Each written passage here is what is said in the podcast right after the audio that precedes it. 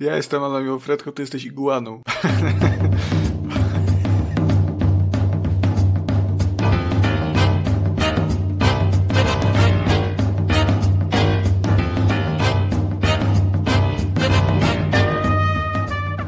Sto lat, sto lat, niech żyje, żyje nam. Sto, lat, sto lat, niech żyje, żyje, żyje nam.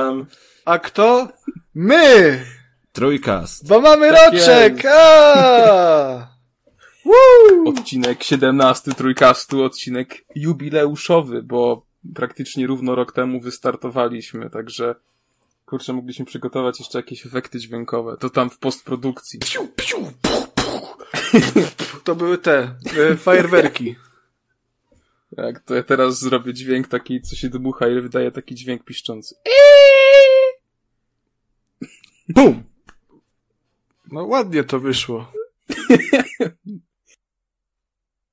Dobrze, ale czas na świętowanie jeszcze przyjdzie. A teraz przechodzimy do rzeczy poważnych. O, a właśnie, a propos świętowania poważnych. bym zapomniał. O, to czekaj, ja też, ja, ja też mam. O, dobra. To były takie fajerwerki. A kurde, ale mogłem jakieś, jakieś lepsze piwo kupić z tej okazji. Dobrze, ale teraz już wracamy do obowiązków, do poważnych rzeczy. Pośpiewane, pośmiane. E, Popite z arabedzie. Tak. nie, dobre. Tak, także no. E, że dzisiaj znowu w sumie newsy są smutne. Strasznie smutną branżę sobie wybraliśmy do, do gadania, mam wrażenie, bo co, co odcinek to mówimy, że na smutno. E, Rockstar na pewno był smutny. Po premierze GTA The Trilogy The Definitive Ja, Edition. ja czyli mówiłem, że tak która- będzie. To nikt mnie nie słucha. która ma chyba kupili. najgłupszą nazwę na świecie. Mm.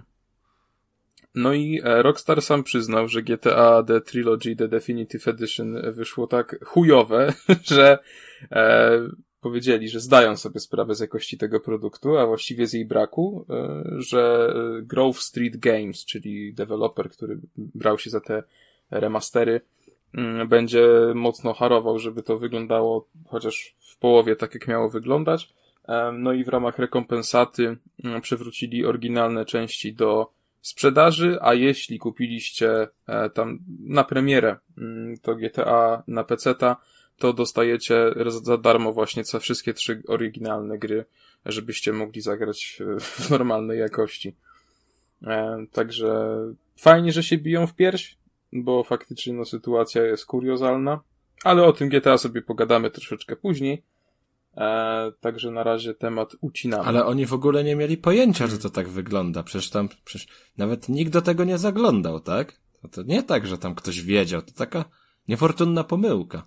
No, wiesz, po prostu no nie chcieli przekładać na te premiery, żeby fanów po prostu nie, nie rozczarować, więc e, No to i dobrze, no w sumie nie mi się- rozczarowali. no, można ich zrozumieć, myślę, nie? No, lepiej tak, niż sobie mieliby przełożyć i wydać faktycznie dobry produkt, nie wiem, w przyszłym roku, no bzdura.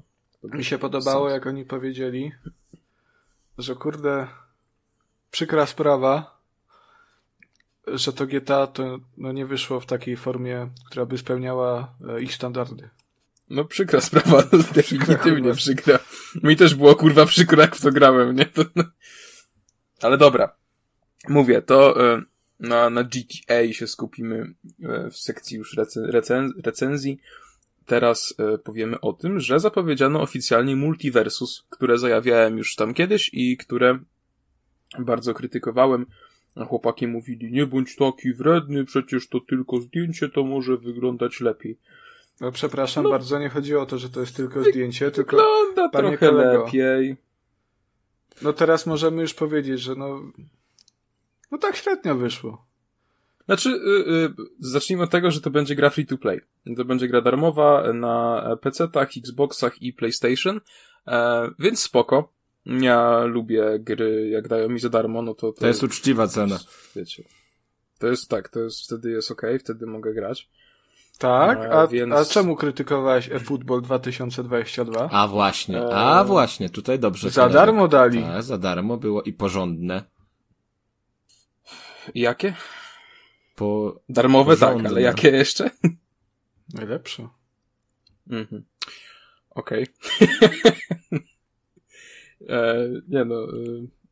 E, czy, znaczy Multiversus będzie miał najprawdopodobniej mnóstwo mikrotransakcji. Tam zakładam, że będą jakieś postaci, no bo mm, to jest gra od Warner Brosów, więc tam będzie wielka baza postaci. Tam będzie Finny Jake spory na przygodę, e, będzie całe DC praktycznie, Batmany, Robiny, Harley Quinny i tak dalej. E, będzie Kudłaty i e, Scooby ze Scoobiego dół, będzie Ricky Morty nawet, więc będzie tam z, z tej kreskówki Steven Universe. Faktycznie jakby ilość i jakość postaci zachęca, nie? Tylko ja się boję, że to, to nie wypali. No to jest też oparte o taki tryb y, smashowy, nie? Więc to ma wyglądać jak Super Smash Bros. No tych y, jakby podróbek Smasha już trochę mieliśmy na rynku. Była ta gra z y, tego E, z Jumpa, e, w sensie z postaciami z Jumpa, czyli tam był e, Luffy z One Piece'a i tak dalej, był tam chyba jeszcze Dragon w sensie Jump nie Force. pewny, bo... Tak, tak, tak. No, serwery będą teraz zamykali chyba na. No na bo ta gra nie wypaliła totalnie, nie? Było też przecież to PlayStation e, Battle All Stars, coś takiego. PlayStation All Stars Battle Royale. No właśnie, to też było na tym samym e, oparte. I postaci były fajne, ale co z tego, jak sama gra się nie broniła. No ja się nie wypowiem też, jeśli chodzi o samego Smasha, bo w Smasha akurat nie grałem nigdy, nie? To jest jedyna gra z tych wszystkich, co wymieniłem, w którą nie grałem niestety. Um, wydaje mi się, że jakościowo Multiversus nie będzie tak dobry. No tam ten pan na tym, e, na tej zapowiedzi mówił, że oni stawiają przede wszystkim na to, żeby tryb sieciowy był jak najbardziej rozwinięty, e, że im zależy, żeby po sieci się grało po prostu wyśmienicie.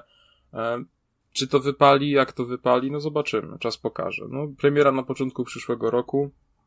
Myślę, że temat obadamy, powiemy coś w podcaście, bo na pewno kogoś to może zainteresować. Dobra, czyli zapisujesz się do recenzji. Właśnie miałem, miałem mówić, że Kacper obiecuje kolejną grę.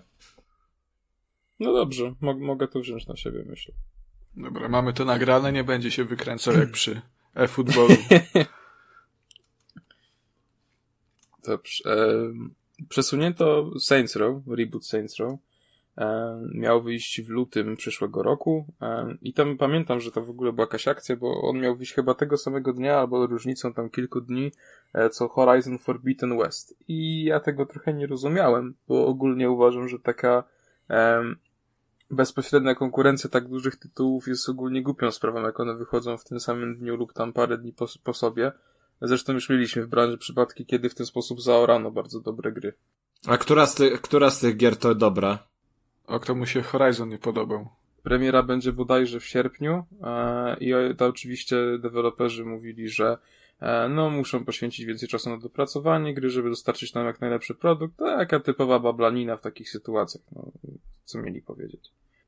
E, w ogóle y, nie wiem, czy wy oglądaliście jakieś materiały z tego Saints Row. Mi się naprawdę podoba ten reboot, ale y, widzę, że odbiór w internecie jest bardzo zły. Ten oddźwięk jest y, masakryczny i ta gra jest w ogóle mierzona dislike'ami na YouTubie. Chociaż już teraz nie, bo YouTube już usunął dislike'i, ale... Były jakieś materiały jeszcze poza tym pierwszym zwiastunem?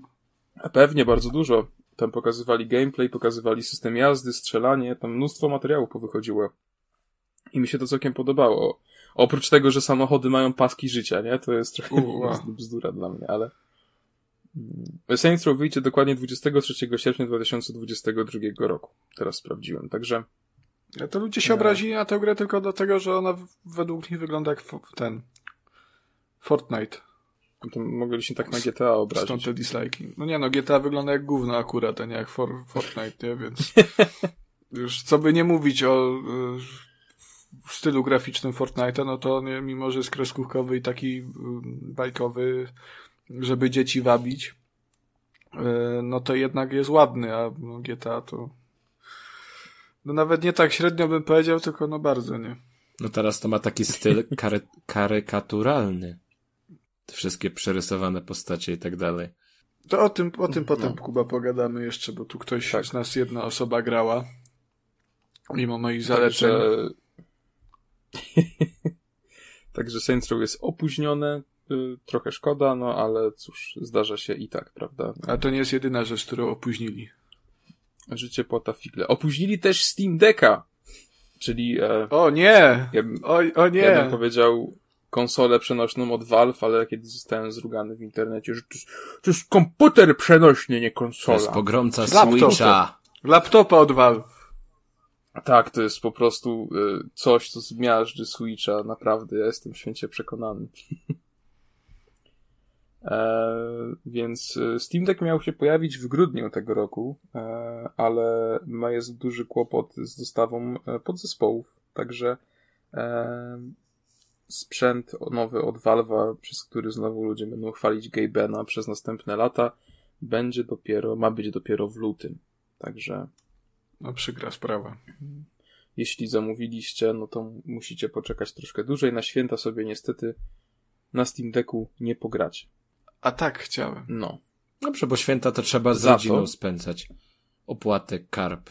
Oczywiście. A tak to byś mógł se, A nie mógł se piu, odpalić piu, tam piu, jak, te jakieś giereczkę. Mógłby sobie od... Wyszedłbyś młody z tego pokoju, babcie Z przywitać. tej swojej nie. jaskini. No, grasz i grasz tylko w głupie gry. Patrz te- patrz- patrzcie, jakie ma czerwone oczy. O, a kto to wyszedł z pokoju? Flashbacki teraz dzieciństwa po prostu. No. O, przypomniałeś sobie, że masz rodzinę. Super, fajnie, no. Świetnie. Wszystkiego dobrego. Dobrze. I nawzajem. Dobrze, przechodząc dalej, mm, ostatnio na Amazonie pojawił się serial Koło Czasu e, i Koła Czasu, przepraszam. E, I bardzo czy Koło Czasu? Koło Czasu. Koło Czasu. Koło Fortuny. Bardzo został pozytywnie ten serial przyjęty. Pani Jennifer Salke, która jest tam bardzo wysoko w tym właśnie Amazonie, mm, powiedziała, że jest to najlepiej oglądany serial na Amazon Prime Video w tym roku i wbił się już do top 5 w ogóle seriali wszechczasów na ich platformie. Także wow, wyszły dopiero trzy odcinki, a to wystarczyło, żeby rozbić bank. Mm, Także super. No i z tej okazji e, postanowili, że warto stawiać na tematy, na, na, na tematy science fiction, skoro one tak dobrze się klikają. E, I są już na finiszu, żeby podpisać umowę, e, żeby mogli robić serial Mass Effect. Także bardzo ciekawa sprawa. Ja mam nadzieję tylko, że nie będę na tym serialu oszczędzać, bo no, wydaje mi się, że biorąc pod uwagę fabułę i wszystko z Mass Effecta, no to e, tam budżet jest potrzebny jak, jak diabli. Tym bardziej, że koło czasu dostało budżet 100 milionów, a nadchodzące Lord of the Rings e, dostało 400 milionów dolarów. Więc myślę, że ten Mass Effect na stówkę to jest minimum, ale myślę, że i tak trzeba by było oscylować gdzieś wyżej, żeby to wyglądało godnie. Za stówkę to E, można Więc ledwo wybory zorganizować jakieś. To, to ledwo na wybory starczy stówkę. Teraz przy tej inflacji to już w ogóle. Ale tak, jak będzie ten serial, to w każdym odcinku powinno być tak 10 minut wydzielone na jazdę windą. I akcja się powinna rozgrywać O. w windzie. Najlepsze by, abym się taką windą przejechał. O Jezus. z Shepardem byś się przejechał windą. Tak, a mi się podoba w ogóle na Twitterze, to chyba Rysław pisał, że ma nadzieję, że Sheparda będzie grał Tom Holland. Także to by było zgodne z twoimi oczekiwaniami, że nie będą oszczędzać i zatrudnią topowych aktorów. No ale czy to, no nie wiem, no to już te, wracamy do dyskusji z zeszłego odcinka o, o Babyface'ie Toma Hollanda. Ciekawe, jak rozwiążą kwestie romansów tych y, między, między gatunkowych. No jak tak, no to Shepard będzie wszystko pompował, nie? No, to jest, po, to jest porządny RPG, to, to nie jest tam, wiesz, wszystko się da zrobić. Wszystko, nawet ten kamień. Też pomyślałem o kamieniu. A to już chyba ze mną zostanie do końca życia. Ten kamień, nie wiem, z siódmego, z siódmego epizodu chyba to był, tak? Odcinka podcastu, nie wiem. Tak. Ku, Kuba do dzisiaj, jak idzie drogą i widzi kamień, to Też. ma flashbacki z Last From Beyond. Gdzie, gdzie, gdzie, gdzieś to serce zaczyna więcej tej krwi pompować.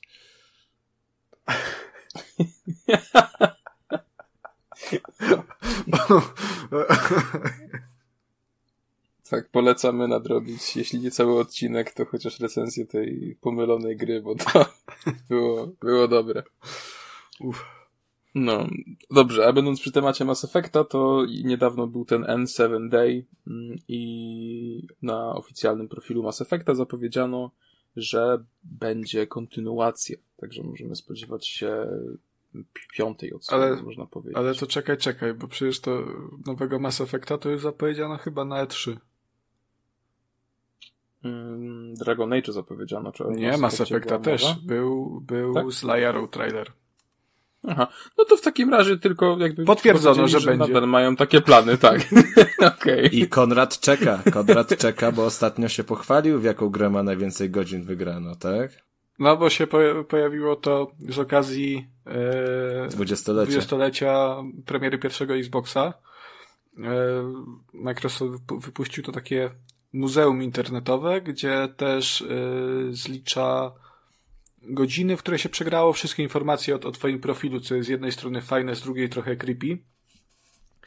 E, I wyszło mi, że najwięcej czasu w ogóle w swojej historii grania na Xboxie przegrałem w Mass Effect no jak to brzmi?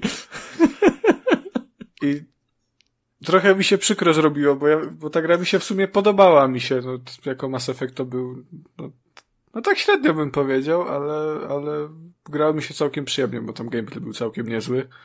No ale żebym najwięcej to, w to ze wszystkich gier na Xboxie grał, no to coś mi się nie chce wierzyć. A ile tam miałeś godzin? A nie wiem, nie pokazało chyba. No ale wydaje mi się, że w Dragon Age Inquisition więcej grałem, zdecydowanie. To kolejny mocny wybór. Zajebisty był Dragon Age Inquisition, co ty chcesz? No to, że był trochę MMO, no to takie singlowe, no to inna kwestia, ale mi się bardzo podoba. Ja byłem bardzo wtedy wkręcony w lore. Chcę nadrobić. Na, na początek przyszłego roku planuję. Urlop sobie weź. Ja myślę, że się odbijesz od tej gry, znając ciebie. Ale ja się tak rzadko odbijam od gier, ja na ogół kończę. No dobrze, ale znając twoje upodobania i to, że narzekasz, że, że, że Far się robi wszystko to samo, będziesz jojczył i się odbijesz, nie wytrzymasz przy tej grze, bo to, bo to jest wszystko to, czego nie lubisz w otwartych światach. No ale to już dwójka troszkę taka była, że się robiło to samo w kółko, także też sobie dałem radę. Ze skończeniem nawet no, ale wszystkich tu ma, pobocznych Tu masz zadań. questy, żeby pozbierać pięć dób bobra, nie? Tam z zabitych zwierzątek albo cztery kwiatki, także... Najlepsze. To jest autentycznie najlepsze. takie singlowe MMO. Mm, to to no, poe poezja jest, to to... Mm Mam, mam ochotę chyba zagrać teraz, no. Ale fabularnie były fajne te gry. Nie, no muszą znaczy, być nie, no, mocne fabularnie. Teraz rozumiem, dlaczego masz najwięcej godzin w tej grze, no. No w Mass Effectie mam najwięcej godzin, panie kolego. No ale powiedziałeś, że wydawało ci się, że grałeś więcej w e, Dragon Age. Więc... Ja bardziej ufam tobie, Konrad, wiesz? Bo ja mam zaufanie do przyjaciela, a nie do jakiejś maszyny Microsoftu. Ja ufam wiesz? wszystkim, tylko nie sobie, Kacper. A ja tobie ufam. I to mnie chyba prowadzi do zguby. Ale dobrze, to są... Dobra. Epic Games przejęło Harmonix, czyli studio odpowiedzialne za mm, gry muzyczne, za rock bandy, między innymi, jeśli się nie mylę. E, no, jest to straszna szkoda, no nie. bo Harmonix... Nie? Za Guitar Hero. No, za Guitar Panie Hero. kolego. Co to za różnica? No jak? Guitar, Guitar Hero le lepsze, pierwsze było. No ale nie, no rock bandy robią. Tak? Co ty mówisz mi tutaj? A kto robi no, Guitar Hero? No rock bandy robią, co mnie w chuja robisz tutaj, panie kolego. A Guitar Hero też robią. cze, cze, cze. Jakieś, jakieś tam jedno zrobili Guitar Hero. Zrobili Guitar Hero e, e, Rocks the 80s. Ej, bo mi się teraz w ogóle cały mój światopogląd runął. A, gówno! O. Pierwsze Guitar Hero 2 robiły. Harmonixy. No to robili rock bandy i, i Guitar Hero. No to w każdym razie już to nie ma teraz znaczenia, bo teraz będą robić skórki do Fortnite'a, także Wiesz, krok do przodu. Gitarą będzie Wielki. można biegać. Tak, świetna sprawa, naprawdę dobre wykorzystanie potencjału studia i doświadczenia. Jestem jak najbardziej. Ale dlaczego tak nie ufasz eee... Epikowi? Czemu nie ufam? No, że zaraz sugerujesz, że zrujnują ich, już nie będzie. A może Epic ma tutaj Przecież mówił Kacper poważne... przed chwilą, że tylko mi ufa. Co ty chcesz? Poważne plany może mają. A jakby Konrad e, powiedział zjedz gówno, to byś zjadł? Oczywiście. No. No. Dla Konrada wszystko. Mi ostatnio Epic dał ten kupon na 30 zł i Epic jest fajny. To może wiesz co, ty zostań tych, w tych Chinach, bo jak wrócisz, to jeszcze na PiS będziesz głosował. Ale jak to? Może i kradną, może i kradną, ale, ale przynajmniej Ale- się dzielą. Tak, dzielą się, dzielą się. Nie, to w ogóle tak fajnie, bo dali ten kupon i, i wykorzystałem ten kupon, a później tak sobie popatrzyłem na karty na Steam i ile kasy można odzyskać z tych kart na Steam i w sumie stwierdziłem, że mm, na jedno wychodzi. Dobrze, ostatnią pozycją na naszej liście e, play, e, e, newsów jest PlayStation Plus i Games with Gold na grudzień 2021. Mm, I dzięki Microsoftowi zagracie na święta sobie w The Escapist 2, spoko. Tropico 5, eh, spoko. Tropico Orcs jest zawsze fajne, Die. co się do Tropico E, przypierdala, że tak, tak powiem. średnio i jakieś Insanely Twisted Shadow Planet. Nie wiem nawet co to jest. Także. Taka, taki twisting shooter trochę. No, także bez rewelki, a na PlayStation sobie zagracie w Godfall Challenger Edition. Nie wiem co to za Challenger Edition, ale Godfall już był kiedyś w plusie. No, więc średnio. Lego DC Super Villains i jest super, ja sobie w Lego chętnie pogram, bo dawno nie grałem w żadne Lego, więc fajnie. I Mortal Shell, który ma strasznie kiepskie recenzje, jak patrzyłem. I to mnie dziwi, bo na wszystkich w ogóle portalach jest, że wow, Sony postawiło, Sony zaserwowało fenomenalny zestaw na grudzień, a czy ja wiem, czy... Znaczy to jest wyciek na razie, nie? Zaznaczmy jeszcze, więc może się coś ewentualnie zmienić, ale, Ostatnia, ale ponoć dobry wyciek. ostatnia gra Lego, jaką ogrywałem, to było Lego Racer. To się chyba tak nazywało. Nie wiem, czy kojarzycie. To, to była tak, To tak najlepsze Lego Racer było, można było swoje Jezu, samochodziki jakie budować. to było wtedy genialne. Ja tłukłem w to tak, że tam e, wszystkie te chyba najwyższe, najwyższe, co się tam dało zdobyć, to zdobyłem. To Jakoś był tak ten, nie, to był klon Mario Karta. no nie pamiętam szczegółów, ale to, to jak, że się dało te samochodziki z klocków składać, no to wtedy po prostu rozwalało mózg. Kacper, co ty pieprzysz, że Mortal Shell, dostał kiepskie oceny, jak on ma średnią na poziomie 75? Tak? No to jak Panie, co pan? To mi pokazało, na, na golu ma 4 na 10. A ty się To tam gola wina gola. słuchasz. To trzeba bym się Gat, Gatfola czepił, który miał być y, zajebistym, wyciskającym ostatnie soki z PlayStation 5 tytułem ekskluzywnym, startowym i wyszedł, dostał średnio, średnią ocenę 61%, a potem się okazało, że no jednak, jednak y, można w to zagrać na PlayStation 4 też. A Mortal Shell to są te futurystyczne solsy, tak? Y, nie futurystyczne, to są po prostu solsy. To są Aha. te z, y, z tymi powłokami, że może się tam stwardnieć po prostu. Są jakieś, są jakieś po- kamienie? No ty jesteś kamieniem. A jak się nazywał ten taki futurystyczny? Co ci chyba klucz nawet podesłałem. Ch- Hellpoint. A, okej, to mi się te dwa, te dwa mi się. To Hellpoint może miał kiepskie recenzje i dlatego się Kacprowi tak kojarzy. No Hellpoint tam zebrał 60. Od 52 na Switchu do 64 na PC. A ten Mortal Shell to też wleciał ostatnio do, do Game Passa. No czyli Microsoft wygrał. No i, i tą pozytywną y, nutą kończymy newsy i przechodzimy do indyków. A indyków to wam powiem, że z indykami coś, coś kiepsko było na ten epizod. Cię, o nie wiem, jakoś taki jest martwy okres, chyba końcówka roku. Ale co mamy? Pierwszą grą jest Joan of Arc, The Beginning. To się chyba tak wymawia, Joan, Joanna. Nie wiem, jakoś tak. W każdym razie chodzi o Joannę Dark. I to jest gierka, która 30 listopada zadebiutuje na Steam. Ja tak dzisiaj się patrzyłem na kartę Steam tej gry i w sumie to, to, to dalej nie wiem, co mam myśleć o tym tytule. O co tam dokładnie chodzi.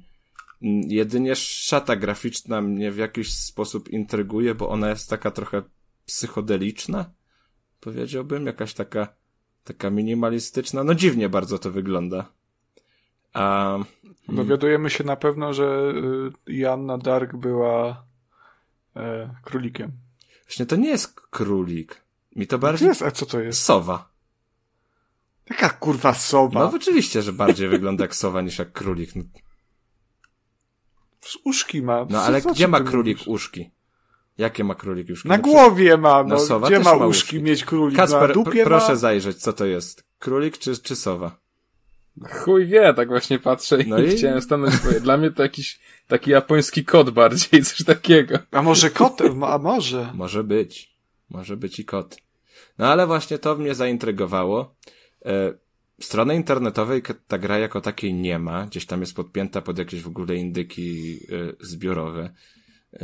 Rozgrywka ma się chyba opierać na, na, na, na, na zagadkach, łamigłówkach i tak dalej. Mamy sobie tą e, historię tej mm, jo Joanny ogrywać. Poznawać. Strasznie kupczasto to wygląda. Czego kupczasto? No, Czy wygląda jakby tak było robione gdzieś y, pokątnie? Ale nie wiem, no jak dla mnie to, to, to, to coś, coś w tym jest. nie no, trochę kupcz tam. Mocnym indykiem zaczyna. Kurwa, naprawdę. No, no i teraz mnie, teraz mnie już podpuszczacie, bo, Co to znaczy cię podpuszczały? Czemu? że zaraz podeślę tam prośbę o kopię recenzencką, no. Kupić, Przecież masz bana na kopie recenzenckie, proszę. kupić za własne to raczej. Znaczy nie wiem ile będzie jeszcze kosztować. Zobaczymy. Mm. Ewen- Jeszcze dwie spacje dali po tym, bo... A to, po- Kuba, czy to jest kolejna chińska gra? Prze, przepraszam bardzo. Może być chińska, bo coś mnie tam przekierowywało do chińskich stron. E, a nie wiedziałem, czy to jakoś się dzieje na zasadzie mojej lokalizacji, czy to faktycznie jest tak powiązane. Ale no, może tam coś być takiego. Czy nie wiem, bo tak z, ty, z No, no, troszkę takim- języków tutaj jest chiński uproszczony i chiński tradycyjny. To- To jest raczej chyba, wydaje mi się, No rzadko. ale zobacz w ogóle, ile masz języków. Właśnie teraz widzę. Jako jeden Kurde. z najważniejszych elementów gry jest zaznaczone to, że jest dostępna w wielu językach, bo pewnie są tylko, nie, jest tu jakiś tekst, ale pewnie tego tekstu jest bardzo mało i tam głównie to o- opcje i, e, i tyle.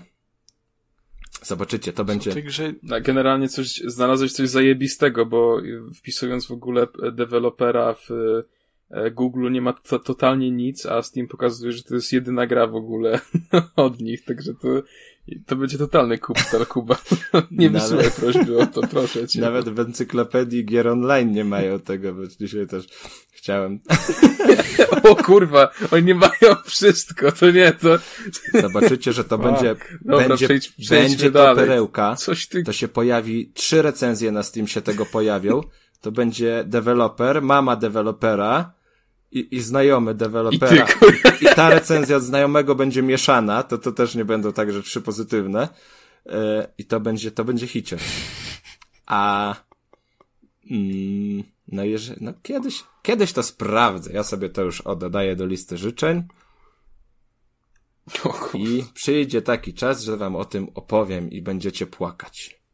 już się boję. A teraz coś, co wygląda dużo, dużo gorzej niż, niż Joan of O, da się? O kurwa. Dawaj. Ja Nie, myślę, nie. ja myślę, że musimy się poważnie zastanowić nad celem tych indyczych polecajek, kurwa, na naszym podcastie. Czekajcie, bo ja dzisiaj mam, mam dla was jeszcze niespodziankę, ale to musicie poczekać. To taka urodzinowa praktycznie jest. Oho. Tylko zanim ją szykowałem, to nie wiedziałem, że dzisiaj będziemy obchodzić urodziny, ale, ale to jest urodzinowa. Drugą propozycją jest War, Tale, War Tales. Super, strategia kolejna, ale się cieszę, Nie. kurwa. Nie no. Odcinek RPG. bez strategicznego gówna to jest odcinek ale stracony. Zam, No jak- zamknij się. I War Tales 1 grudnia na Steam zadebiutuje i na razie w Early Accessie. E, Wow, I super! to masz grę w otwartym świecie. Kacper. Co, co, co strategia? O czym ty to opowiadasz? Ona ma taką po prostu, y, no taką kamerę inaczej zawieszoną niż y, reszta gier, co jest bardzo takim elementem przyciągającym uwagę i wygląda bardzo ładnie. O, zdecydowanie. Ja jak zobaczyłem, to miałem ochotę się zżygać. No Konrad, weź go uspokój, powiedz mu coś. Ale jak ma kamerę ust ustawioną? Ja nie rozumiem. No tak, tak, no jak na open worlda, to tak troszkę inaczej niż... Zobacz na screeny, to wygląda jak... Ej, mi się bardzo nie, no to spoko podoba. wygląda. Na jed... Gra wygląda ładnie. Znaczy- Na jednym zdjęciu widać, jak jakiś wielki jeż idzie przez las. Tam w tle. Mnie, mnie, mnie jeszcze zastanawia, Nie, jak jest. to będzie wyglądało w praktyce, czy tu nie będzie naprawdę żadnych e, niczego dookoła, co nam O, zepsuje fajny jest ten... screen na Steamie tej, tej jakiejś piwnicy. Super sprawa, kurwa, czarne tło i pokój. Fajnie. No w klasycznym RPG co ty chcesz? To jest bardzo fajna gra i teraz proszę mi dać opowiedzieć. Ty, przepraszam bardzo, kurwa, a w Animal Crossing jak wygląda wnętrze, kurwa, domu, ty? Aha, ha? I co, i co Muszę ci, co ci, no, Crossing no, co ci Konrad powiedział? Cwaniaczku? A, szachmat! O, Benz! No. Nie no. będziesz mi pecetowych RPGów szkalował, ty. Hosztaplerze mały. Tak. I w ogóle, pomijając to, że tytuł jest. Ja nie wiem, kto jeszcze wymyśla takie tytuły, bo to jest tytuł, który po prostu, jak widzisz listę gier, to masz takie, o! Olać od razu z miejsca, nawet nie zaglądać. Przecież on. Nie to, nie to co No, jak, Blizzard. jak patrzysz, to tym bardziej. No patrz, jak on się nie zna. Może zaraz. Yes. Ale co ty chcesz, Kacper, od tej gry? kłuje, wygląda kłuje mnie w mostku, mnie kłuje, no.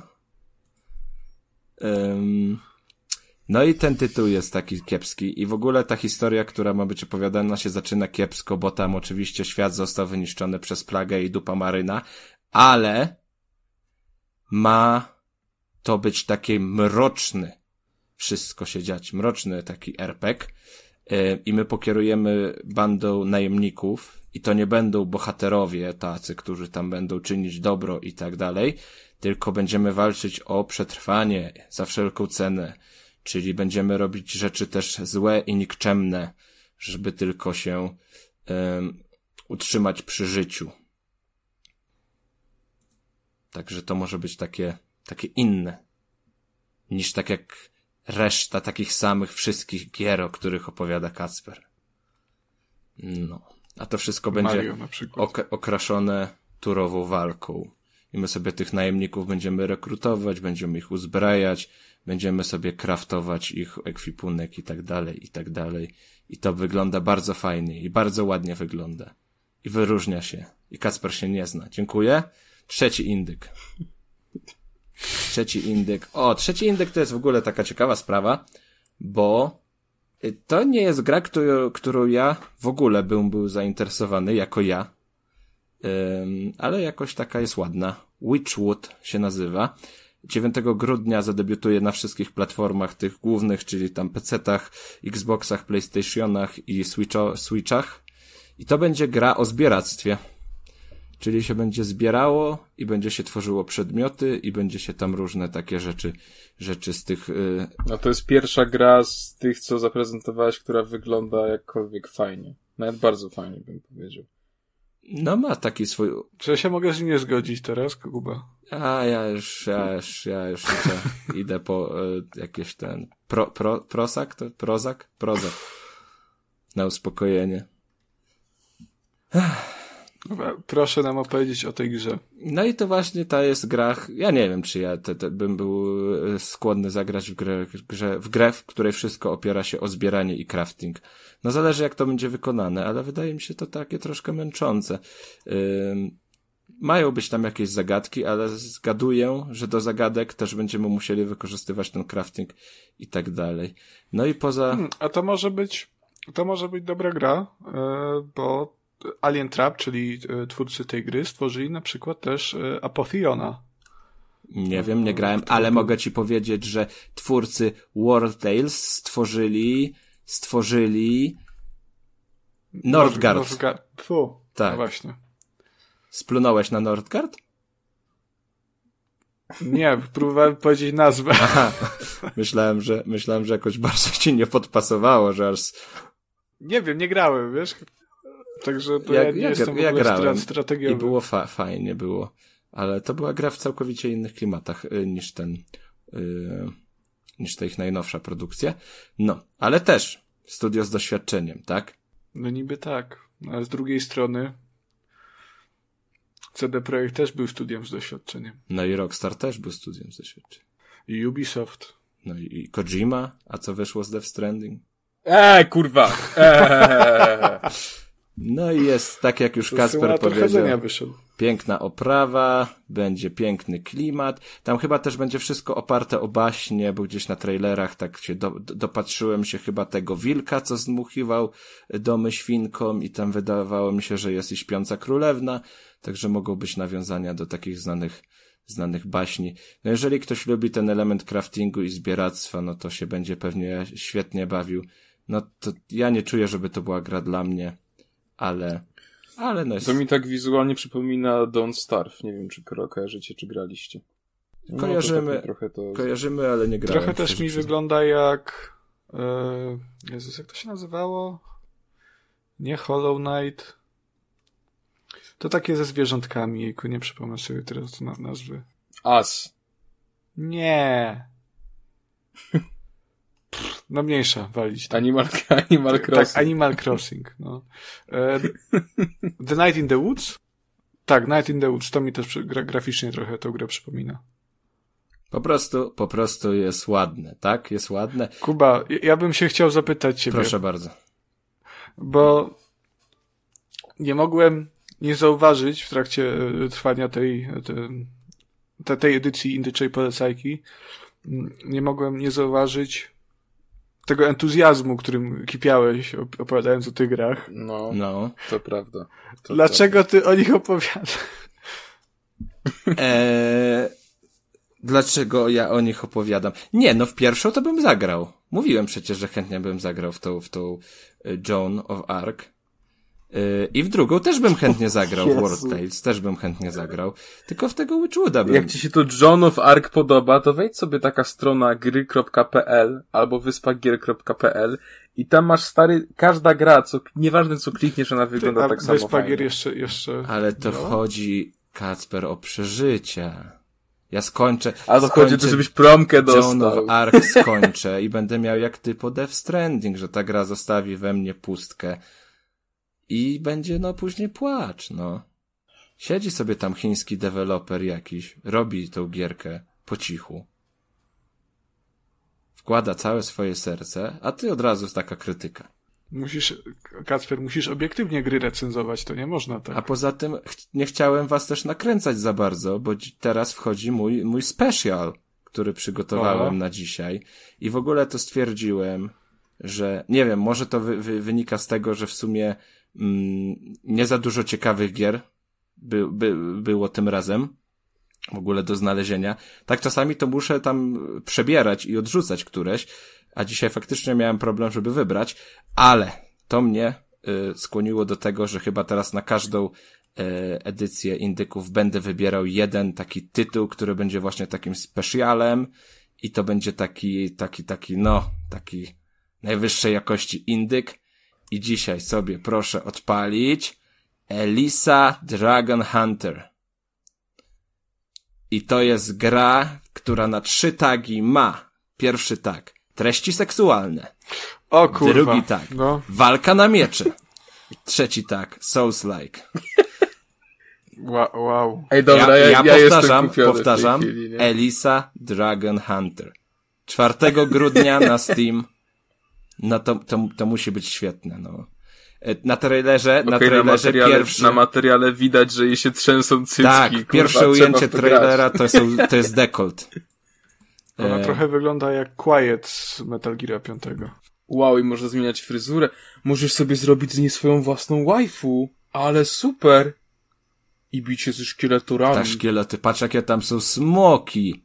Te smoki wyglądają jak te serialowego Patrz, jaką ona ma tu. z polskiego Wiedźmina, te, te, ten smok. To jest podobna, podobna jakość smoka. Smoku, jesteś piękny. Smoku, jesteś piękny. No i co? I nie zagralibyście? Nie no, pewnie. Je... A jakiś się kieca podwija jak wa... Nie no, kurde, gra klasa. Ja jestem ciekaw tych kurwa treści seksualnych, bo z tego co widzę na tych zdjęciach to są tylko smoki, szkielety i jakieś takie... No ale jest przebieranko bezkutaśne stwory, no ale... No ale możesz przebierać bohaterkę. No, ale czy to jest treść seksualna? Ale, ale nie wiadomo jakie tam będą a, te... A może rozbierać? Może rozbierać. Jest, po co ktoś kurwa takie gówno robi? to się może lepiej sprzedać niż każda z tych gier, o których wcześniej mówiłem. No dzisiaj konkurencji za dużej nie stworzyłeś tej Elisie, muszę przyznać, więc... bardzo, bardzo możliwe. Podejrzewam, no. że nasi słuchacze też z wszystkich tych czterech gier sprawdzą właśnie Elisę, jeżeli mają którąkolwiek sprawdzić. Jak ten smog zieje ogniem. Widzicie, widzicie te efekty? Ej, ale podoba mi się e, opis tych e, cech tej gry na Steamie. Epicka walka z ziejącym ogniem smokiem. Przecudowna główna bohaterka. System walki souls-like'owy i fantastyczna atmosfera. Jeszcze jako, jako piąty ten bullet point powinno być bimbały. Cucury. Cucury. Boże, dorośli, dorośli ludzie. O. No i teraz to będzie, to będzie najmocniejszy punkt zawsze indyków. Czwarty tytuł. Mam okay. nadzieję, że uda mi się to, okay. uda mi się to kontynuować. Ty, można, można tę grę nominować do nagrody Steam już w grudniu. No to ma trzy... Weźcie to do recenzji ktoś z was. O, o, o. to już ma trzy nominacje. Wiesz, wiesz jakbym się musiał Magdzie potem tłumaczyć, dlaczego ja w to gram do recenzji? Ty grałeś w gorszą grę na Switchu, pamiętam. Aj tam. Potem będziesz, potem będziesz proponował Magdzie karać, karać dziewczyny smyraniem. Znaczy, wiesz co, myślę, że, że Last From Beyond to był większy kaliber niż Mero Crystal Age, także... No dobrze, to tyle ode no mnie. No, no dobrze, przykro, ja, ja się czuję, ja się mi, czuję zachęcony. Przykro mi, że jesteście zawiedzieni indykami, ale zobaczycie, zobaczycie, że ten, na pewno World Tales tam Nie, trafi do skończyłeś dobrze, skończyłeś dobrze. To jest dokładnie taka gra, do której można skończyć, no. Z którą można skończyć. Hehe, bo wiecie, nie? Chodzi o kutasa? Tak. Dobra, teraz przejdźmy do gier dla normików i dla takich, e, prawda, nie jakichś wykwintnych graczy, tak jak e, jeśli chodzi o Elise, Dragon Hunter. Bo teraz porozmawiamy sobie o grze Call of Duty Vanguard, w którą grałem ja i grał Konrad i bardzo nam się ta gra podobała. E, Konrada chwilowo nie ma. Także możesz, mogę teraz musisz się szybko wyrobić z całą recenzją, on tylko przyklepie, że poszło. E, bardzo, bardzo fajna gra, naprawdę mi się podobała, świetna kampania, bardzo polecam, świetny multiplayer, zombie też są fajne, tylko jeszcze brakuje trybu fabularnego, który dojdzie już w grudniu. Uff. Uf, no dobra, to mamy. A warto zagrać. To mamy ten. mamy ogarnięte. Nie, no powiadaj pan, jak, ta, jak tam się szczelało? Szczelało się bardzo fajnie. Mm, no to dobrze, możemy faktycznie zacząć od tego, od faktu szczelania, jak już poruszyłeś ten temat, bo w Call of Duty Vanguard y, sprawa się ma troszeczkę inaczej niż w poprzednich odsłonach, mm, bo przy pierwszym kontakcie z tą grą jest strasznie takie, taki szok E, bo Vanguard jest dużo bardziej ociążały niż wszystkie Call of Duty do tej pory. Mm, tam faktycznie e, czuć e, ciężar tych broni, które nosimy. Jak biegniemy, to faktycznie widać, że ten bohater jest po prostu ociążały, a nie sprintuje z miniganem w łapie. Mm, faktycznie to celowanie też jest inne. Możemy, jest też system, że możemy opierać broń e, o ścianę, tudzież o jakiś stolik, żeby był mniejszy odrzut, żeby był po prostu lepszy lepsza skuteczność celowania. Więc ogólnie e, pierwszy kontakt bardzo negatywny, w moim przypadku przynajmniej. W moim również. E, gdzieś to mnie na początku odbiło, ale po, myślę, 40 minutach rozgrywki bardzo mi się to spodobało i uważam, że to jest właśnie coś, czego ta seria potrzebowała. To jest odświeżenie, które jest jak najbardziej na plus. Mm, no i tutaj nie da się ukryć, że to mocno śmierdzi Battlefieldem, nie? E, i od Battlefielda też zaczerpnęł, zaczerpnął Vanguard, zaczerpnął to, że jest teraz bardzo dużo mm, destrukcji, elementów, które można, które ulegają destrukcji e, na, na mapach, czy to w multiku, czy to w kampanii. Mm, no to może teraz kłamiesz. Czekajcie, bo jeszcze wam przerwę, bo taki genialny pomysł mi właśnie wpadł do głowy. Jakby DICE robiło online, a Activision by robiło single, i oni by to połączyli w jedną grę, to by się mogli dzielić całym tym hajsem na pół. No ale po co? No nie wiem, żeby mieć więcej pieniędzy, a po co? I mniejsze koszty produkcji Panie. masz i pieniądze są pieniądze, pieniądze, więcej pieniędzy. Panie, co pan? To i tak się sprzedaje. E, zresztą jakby, jakby, jakby DICE dostarczyło Call of Duty taki e, tryb online jak e, w nowym Battlefieldzie, no to tak średnio bym powiedział.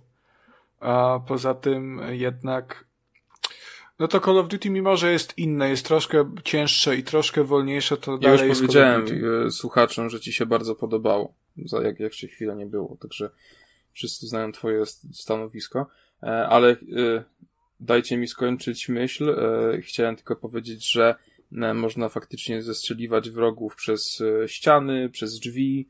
No ale to było, to było już od kurwa Call of Duty 4 w tej grze. Ale to, ale to nie było tak fajnie zrobione. Jak nie było, tak samo było. to- I to jeden z najważniejszych to- feature'ów na przykład World at War to było. Ale w Vanguardzie to fajniej zrobili. Gówno, prawda. A- Cała destrukcja otoczenia w Vanguardzie opiera się na tym, że masz kurwa deski takie i jebitnie po prostu dziurą, e, dziurę w ścianie zasłaniają i możesz sobie te deski rozwalić. I to jest kurwa destrukcja otoczenia w Call of Duty Vanguard. No to w najnowszym Sherlocku można rzucać nożami przez ścianę, mogą rzucać przeciwnicy. I co? I to też było już. No i przyszedł pan Maruda, niszczyciel dobrej zabawy i uśmiechów dzieci. No bo Vanguard Dobrze, to nie ale- jest dobra gra. Znaczy, no średnia. bardzo dobra Nie gra. jest bardzo Ale- dobrą grą. No, ale jest dobrą grą. To tutaj się możemy zgodzić. To jest naprawdę dobra gra. Um, ale Słabe przejdźmy 7 na teraz do, 10. przejdźmy teraz do kampanii, bo to jest bardzo jasny punkt e, tej gry. Em, No chyba nie, no, proszę cię. Wiecie, wiecie, że ja Eee. naprawdę czekałem na tę recenzję, bo tak wiedziałem, że tam będzie grubo. Siedzę, ja tutaj już mam popcorn, no to już słuchać będę teraz. To jest, to jest najbardziej bezsensowna kampania, kurwa, od, od wielu, wielu Call to jest bardzo fajna kampania, jakby o Black Ops chodzi. 4 była lepsza kampania niż w Vanguardzie, a jej tam nie było. No to jest, są pomówienia, że była lepsza. Są fakty. No to ja tak proponuję, żeby tak tutaj będę prowadził tę debatę. Y, argument za argument proponuję. Tak jak, zróbmy to jak, jak w grubej polityce, no. Odpalając kampanię Call of Duty Vanguard, prze, akcja na początku zabiera nas do e, pociągu, który Super. jedzie do Hamburga. E, Akcja odbywa się e, w 1945 roku. Mm. No i tam e, tak naprawdę e, wcielamy się w e, jedną postać, mm, która potem została... Ja, jak, się, jak się nazywa? Nowak chyba się nazywa, nie? Nie? No. Wybrą. E. Myślałem, że go mam. ja. Czyli Polak, No, e, tak. czyli patriota. Znaczy, nie wiem, to chyba nie było. Patriota, oczywiście. I potem poznajemy właśnie, jakby jesteśmy, idziemy tam całym tym oddziałem e, specjalnych agentów, którzy, e, który, których zadaniem jest e, dowiedzenie się, czym jest projekt Phoenix, projekt nazistów, tak? Bo ta gra akurat, jeśli chodzi o to, to Vanguard totalnie nie przebiera w słowa i tam czasami lecą tak bezpośrednie kwestie, że to aż czasami mnie wprowadzało w taki trochę, w takie zmieszanie. Co, Zresztą co tam było znaki, takiego? Znaki swastyki są wszędzie na, na ramieniach No to, to, generałów, to na nie jest nic, tak Kacper, dalej. to nie jest nic, dziwnego w grach drugowojennych. No dobrze, a właśnie ciekawe jak, y, nie wiem, czy może śledziliście, jak to wygląda w, w, w Niemczech? Jak, czy, czy była cenzura No na No bo przecież Wolfenstein cenzura. któryś też miał, bo w Wolfensteinie też były, były swastyki, przecież to w, właśnie zmienili to, że w, w Niemczech nie było tych swastyk i Hitler nie miał wąsa. Sobie sprawdzę. Pewnie, Więc ciekaw pewnie to w podobnie będzie. E, no w każdym razie tam padają takie kwestie, jak trzeba zajebać tych szwabów i tak dalej, nie? To No jest to takie, nie, no albo to je- ostro, to faktycznie. jedna bohaterka Kacper to mówi, taki że wrażliwy. żyje tylko-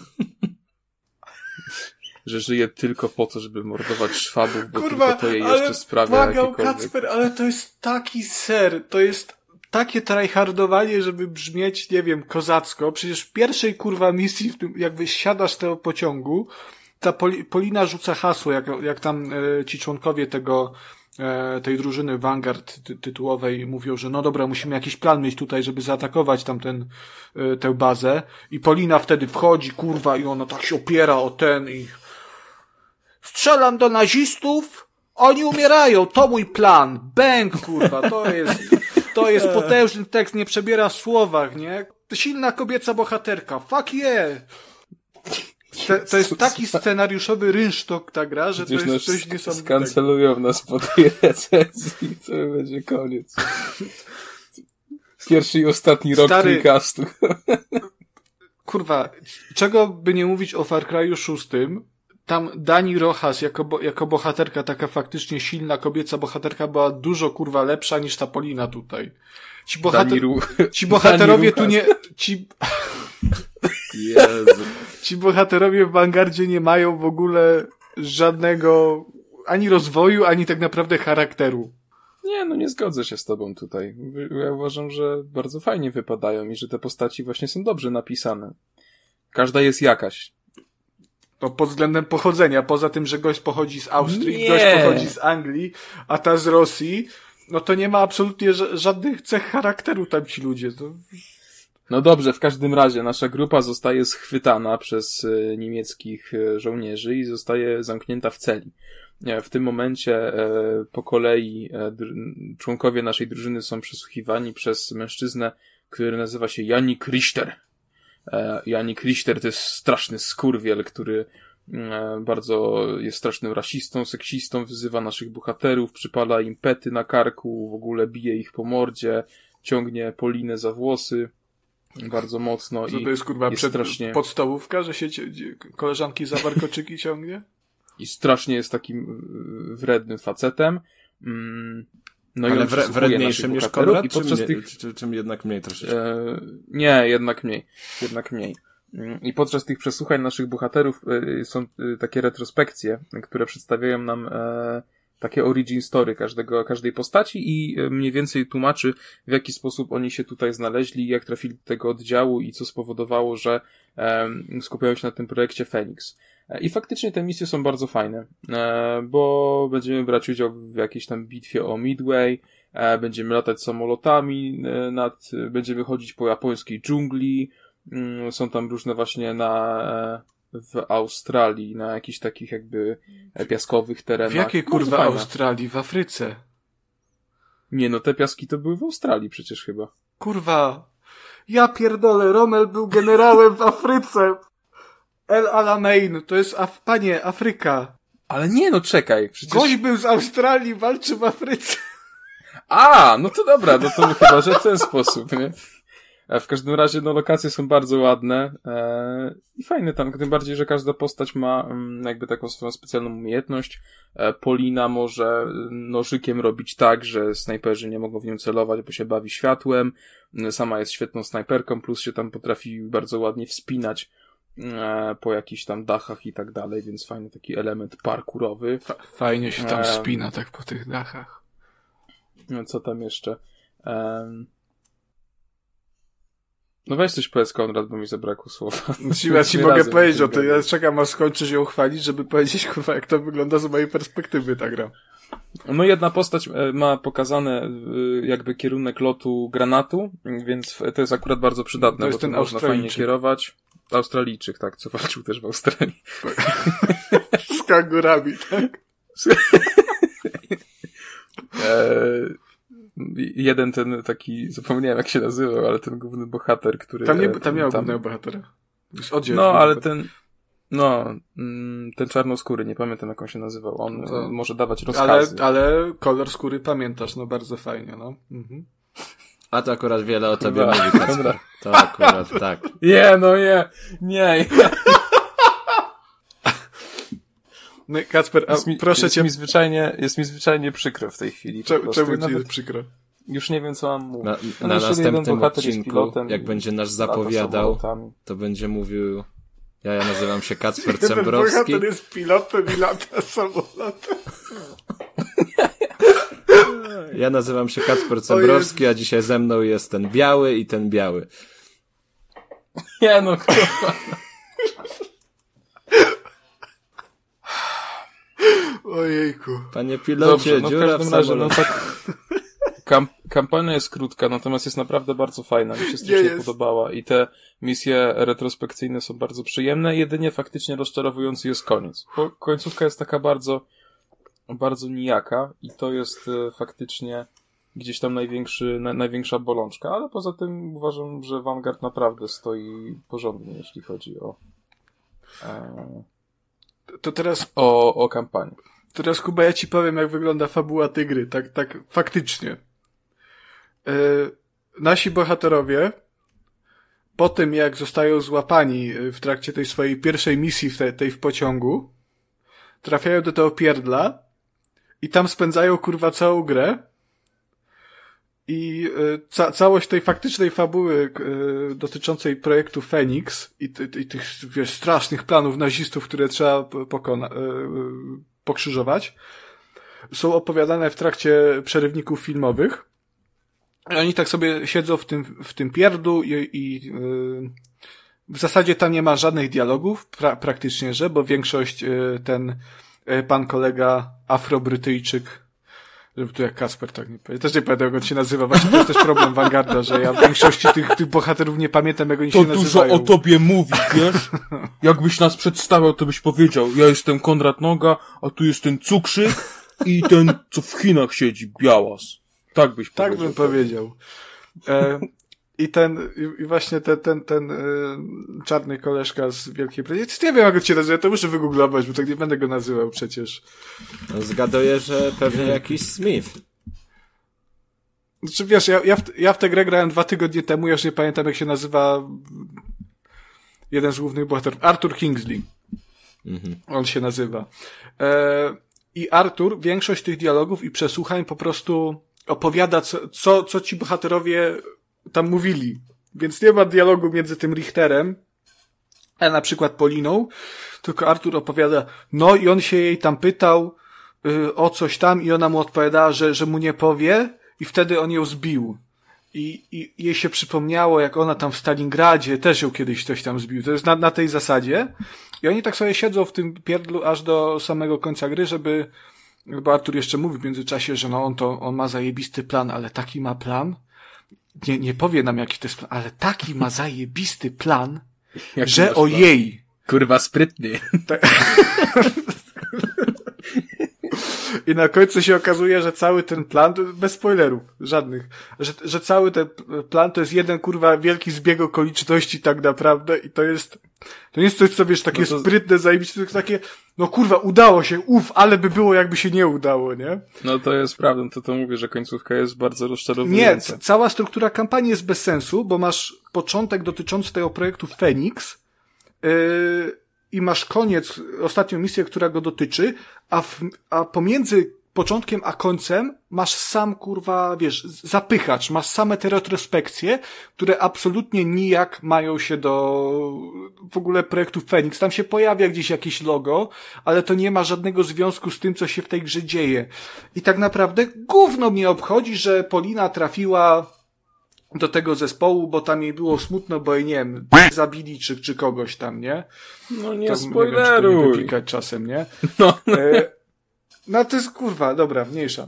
E, czy ten trafił, bo, bo coś tam, bo ten gość z Australii to nawet nie wiem, dlaczego w tym Vanguardzie skończył tak naprawdę, bo on po prostu ja przeszedł, przeszedł dwie misje po prostu i no to chuj, to dobra, to Vanguard w takim razie. Tak, tak samo przecież ten pilot, nie? Ten Wade Jackson. W Japonii, no tam se samolotem polatał, dobra, wang, zajebiście, to nie ma żadnego związku z fabułą główną i wiesz, jasne, fajne są te misje, bo to jest różnorodny teatr działań, bo jesteś na pustyni tam El Alamein, y, tropisz tego Romela, jesteś w Stalingradzie, y, przed inwazją y, nazistów i po inwazji, w trakcie zimy, lata z samolotem, nie? To jest strasznie chujowa jest ta sekwencja w tym. No ja bardzo nie lubię ogólnie latania samolotem w grach. Ale, ale podobna sekwencja była w World War II i to jest te, też tych samych twórców, bo to jest Raven Software chyba, nie? I tam była dużo lepsza niż tutaj. Tutaj sterowanie w ogóle mi nie, nie siadło.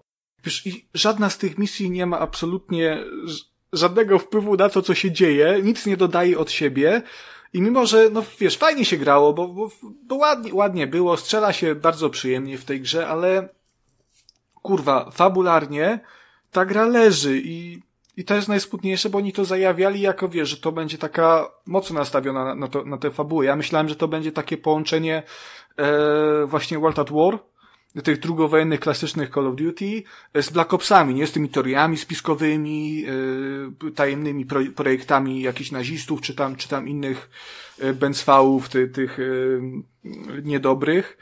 E, wiesz, jakieś tajne bronie, nie? Ja myślę, kurwa, fajne, fajne to może niedobrych. być. A, a koniec końców gra się skończyła, ja tak siedzę i w sumie się stałem, ej, kurwa, o co chodziło z tym projektem Phoenix, bo tego znaczy, tak... Naj najgorsze jest to, że jakby główny zły tej gry, ten Führer Rzeszy, Hermann Freisinger, tak? E, o którym jakby oni cały czas mówili, że no, to jest, trzeba go dorwać, taki strasznie zły facet, straszny niedobry, ale tak naprawdę to jakby ten Freisinger w ogóle, to jest najsłabsza postać w tej, e, napisana w tej kampanii, nie? Ona jest najgo, najgorzej po prostu zrealizowana, bo ty nic o tym Freisingerze nie wiesz do samego końca, oprócz tego, że on jest wrednym chujem, nie? Jakby, no i to wszystko. I najgorsze jest to, że nic się w tej kwestii nie ewoluuje, nie? To nic się nie zmienia. I to, to faktycznie, no to mówię, że ta końcówka, jakby to brakuje taki, takiego zamknięcia tego wszystkiego, bo mi fajnie taki, według mnie ta historia była fajnie przedstawiona, tylko po prostu ten koniec jest taki, no nic nie wyjaśniający. To znaczy, wiesz, przerywniki filmowe i e, to, jak to, jak to, jak one wyglądają i, te, i ta cała reżyseria, to było bardzo spoko. E, w ogóle przerwniki wyglądają fenomenalnie, ta, no, ta animacja. E, tylko wiesz, to jak scenariusz został napisany, pozostawia wiele do życzenia, bo e, powtórzyłem sobie, zaraz po Vanguardzie, powtórzyłem sobie World at War. I to jest gra, która już ma 13 lat. I ona też, wiesz, fabularnie to nie jest jakiś niesamowity majstersztyk, ale na przykład takie rzeczy jak horror wojny y, ukazuje dużo, dużo lepiej, a i y, poszczególne linie fabularne, bo w World at War masz E, linię tam na Pacyfiku i w, Staling i w rosyjską tam kampanię od Stalingradu aż do Berlina. I masz dwóch bohaterów tylko. Też masz w miarę różnorodny teatr działań, ale to wszystko jest takie, wiesz, bardziej skupione, ma jakiś cel. E, ci twórcy mieli jakąś wizję, a niestety Vanguard sprawia takie wrażenie, że oni chcieli do tej gry wrzucić absolutnie wszystko. Co tylko wymyślili. Wiesz, tu pustynia, e, Pacyfik, Stalingrad, naziści z tajnymi broniami i planami, jakieś, wiesz, special opsy. Wszystko próbowali wrzucić i niestety z tego wychodzi taka papka, która nie ma większego sensu w moim odczuciu.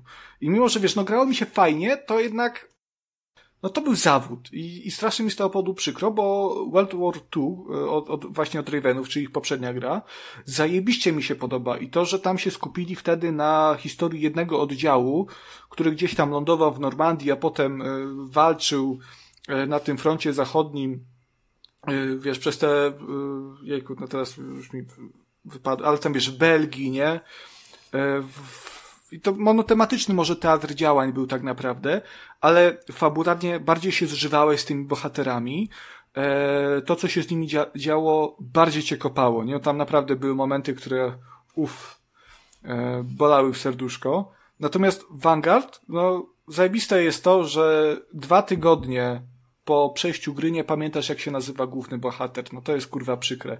I no ja nawet, jakbym miał opisać, jakie oni mają cechy charakteru, to absolutnie nie wiem, bo to jest dla mnie, każdy jest jed, jed, jednym i tym samym. Dziękuję. Jak tak was słucham, to, to no jednak się... wracam, wracam do Joanny Dark. Brzmi solidnie. Lekko się rozjeżdżamy w tym, w tym Call of Duty. Hmm. Dobrze, to jeszcze tak na szybko przelećmy może przez Multika i przez Zombie, bo to są od już kilku lat takie trzy główne jakby filary Call of Duty Mm, więc warto by było coś jednak o tym opowiedzieć. Mm, no i multiplayer, co tu dużo mówić, no tak naprawdę to jest ten sam multiplayer co co roku, czyli bardzo dobry multiplayer. Tutaj na początku tylko jest ta faktycznie gdzieś tam odskocznie spowodowana tym, e, tą różnicą w gameplayu, tym, że jest troszeczkę bardziej ono ciężało, o czym mówiłem wcześniej. Mm, to oczywiście y, mamy tutaj klasyczne tryby jak e, deathmatch drużynowy, deathmatch zwykły, to zabójstwo potwierdzone, to trzeba nieśmiertelniki, e, zbierać, czy dominacja. Taka mówię, no po prostu klasyka klasyki. E, ale są też dwa nowe tryby. Mm, jest Wzgórze Mistrzów, które polega na tym, że są takie małe dwu- lub trzyosobowe zespoły. Mm, do tego tryb dostał cztery dedykowane mapy właśnie. E, no i jakby na końcu, na samym końcu tej rozgrywki zostaje wyłoniony jeden najlepszy team ze wszystkich ośmiu, które biorą w tym w tej grze udział. E, jest też patrol. E, patrol to jest y, właściwie po prostu przemieszczający się po mapie punkt, który trzeba przejmować, więc y, jest taki okrąg latający po mapie i my razem z naszą e, drużyną musimy się w tym kółku znajdować, żeby go przejąć, od razu też oczywiście odpychając ataki drużyny przeciwnej. Taka ruchoma dominacja. No, tak, znaczy brzmi ciekawie, ale takie, nie wiem, jak grałem, tak średnio mi akurat siadło, muszę przyznać. Mm, no, no to co tu dużo mu, no multiplayer w kodzie, jak to multiplayer w kodzie. No uważam, że, że, że warto. Na starcie też jest 20 map, e, więc, y, że tak powiem, jest się gdzie bawić, nie? Mm, jeśli jesteście fanami, no to z pewnością e, nie, nie, nie, nie będziecie zawiedzeni. Czy, wiesz no co, i ten zombie. Wa właśnie psikus polega na tym, że sporo fanów jest zawiedzionych yy, multiplayerem tej gry. Bo tak sobie śledziłem to na YouTubie i, i dużo, dużo zarzucają tej grze. E, znaczy to prawda, ale mówię, to mi się wydaje, że to przynajmniej jak ja rozmawiałem z y, jednym moim znajomym Filipem, który bardzo mnie jechał za moją recenzję koda, bo mówi, że się ze mną totalnie nie zgadza. E, nie, nie dziwię się. No.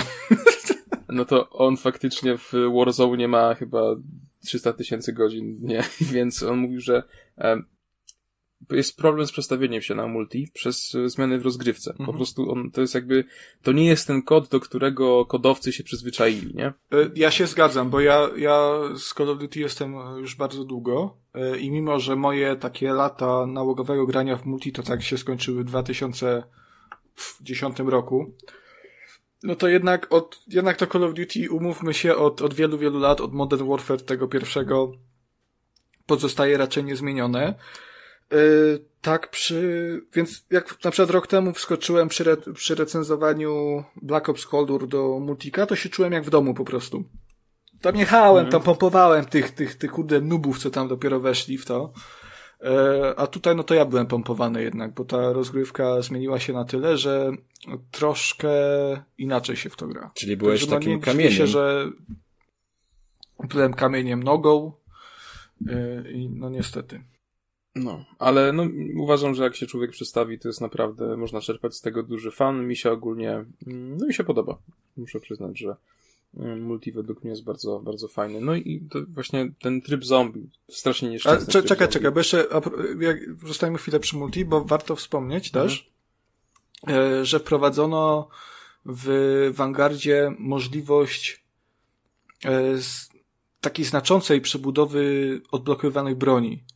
Mm, bo do tej pory było tak, że y, albo miało się ileś tam slotów na ulepszenia, albo ilość punktów, które można było wydać na, na bronię, na ulepszenia do broni. E, teraz się to kompletnie pozbyto i można do każdej pukawki wrzucić co się tylko chce tak naprawdę z konkretnej kategorii. Na przykład można wymienić kolbę na jakąś inną, na lżejszą, na składaną, można celownik dorzucić inny.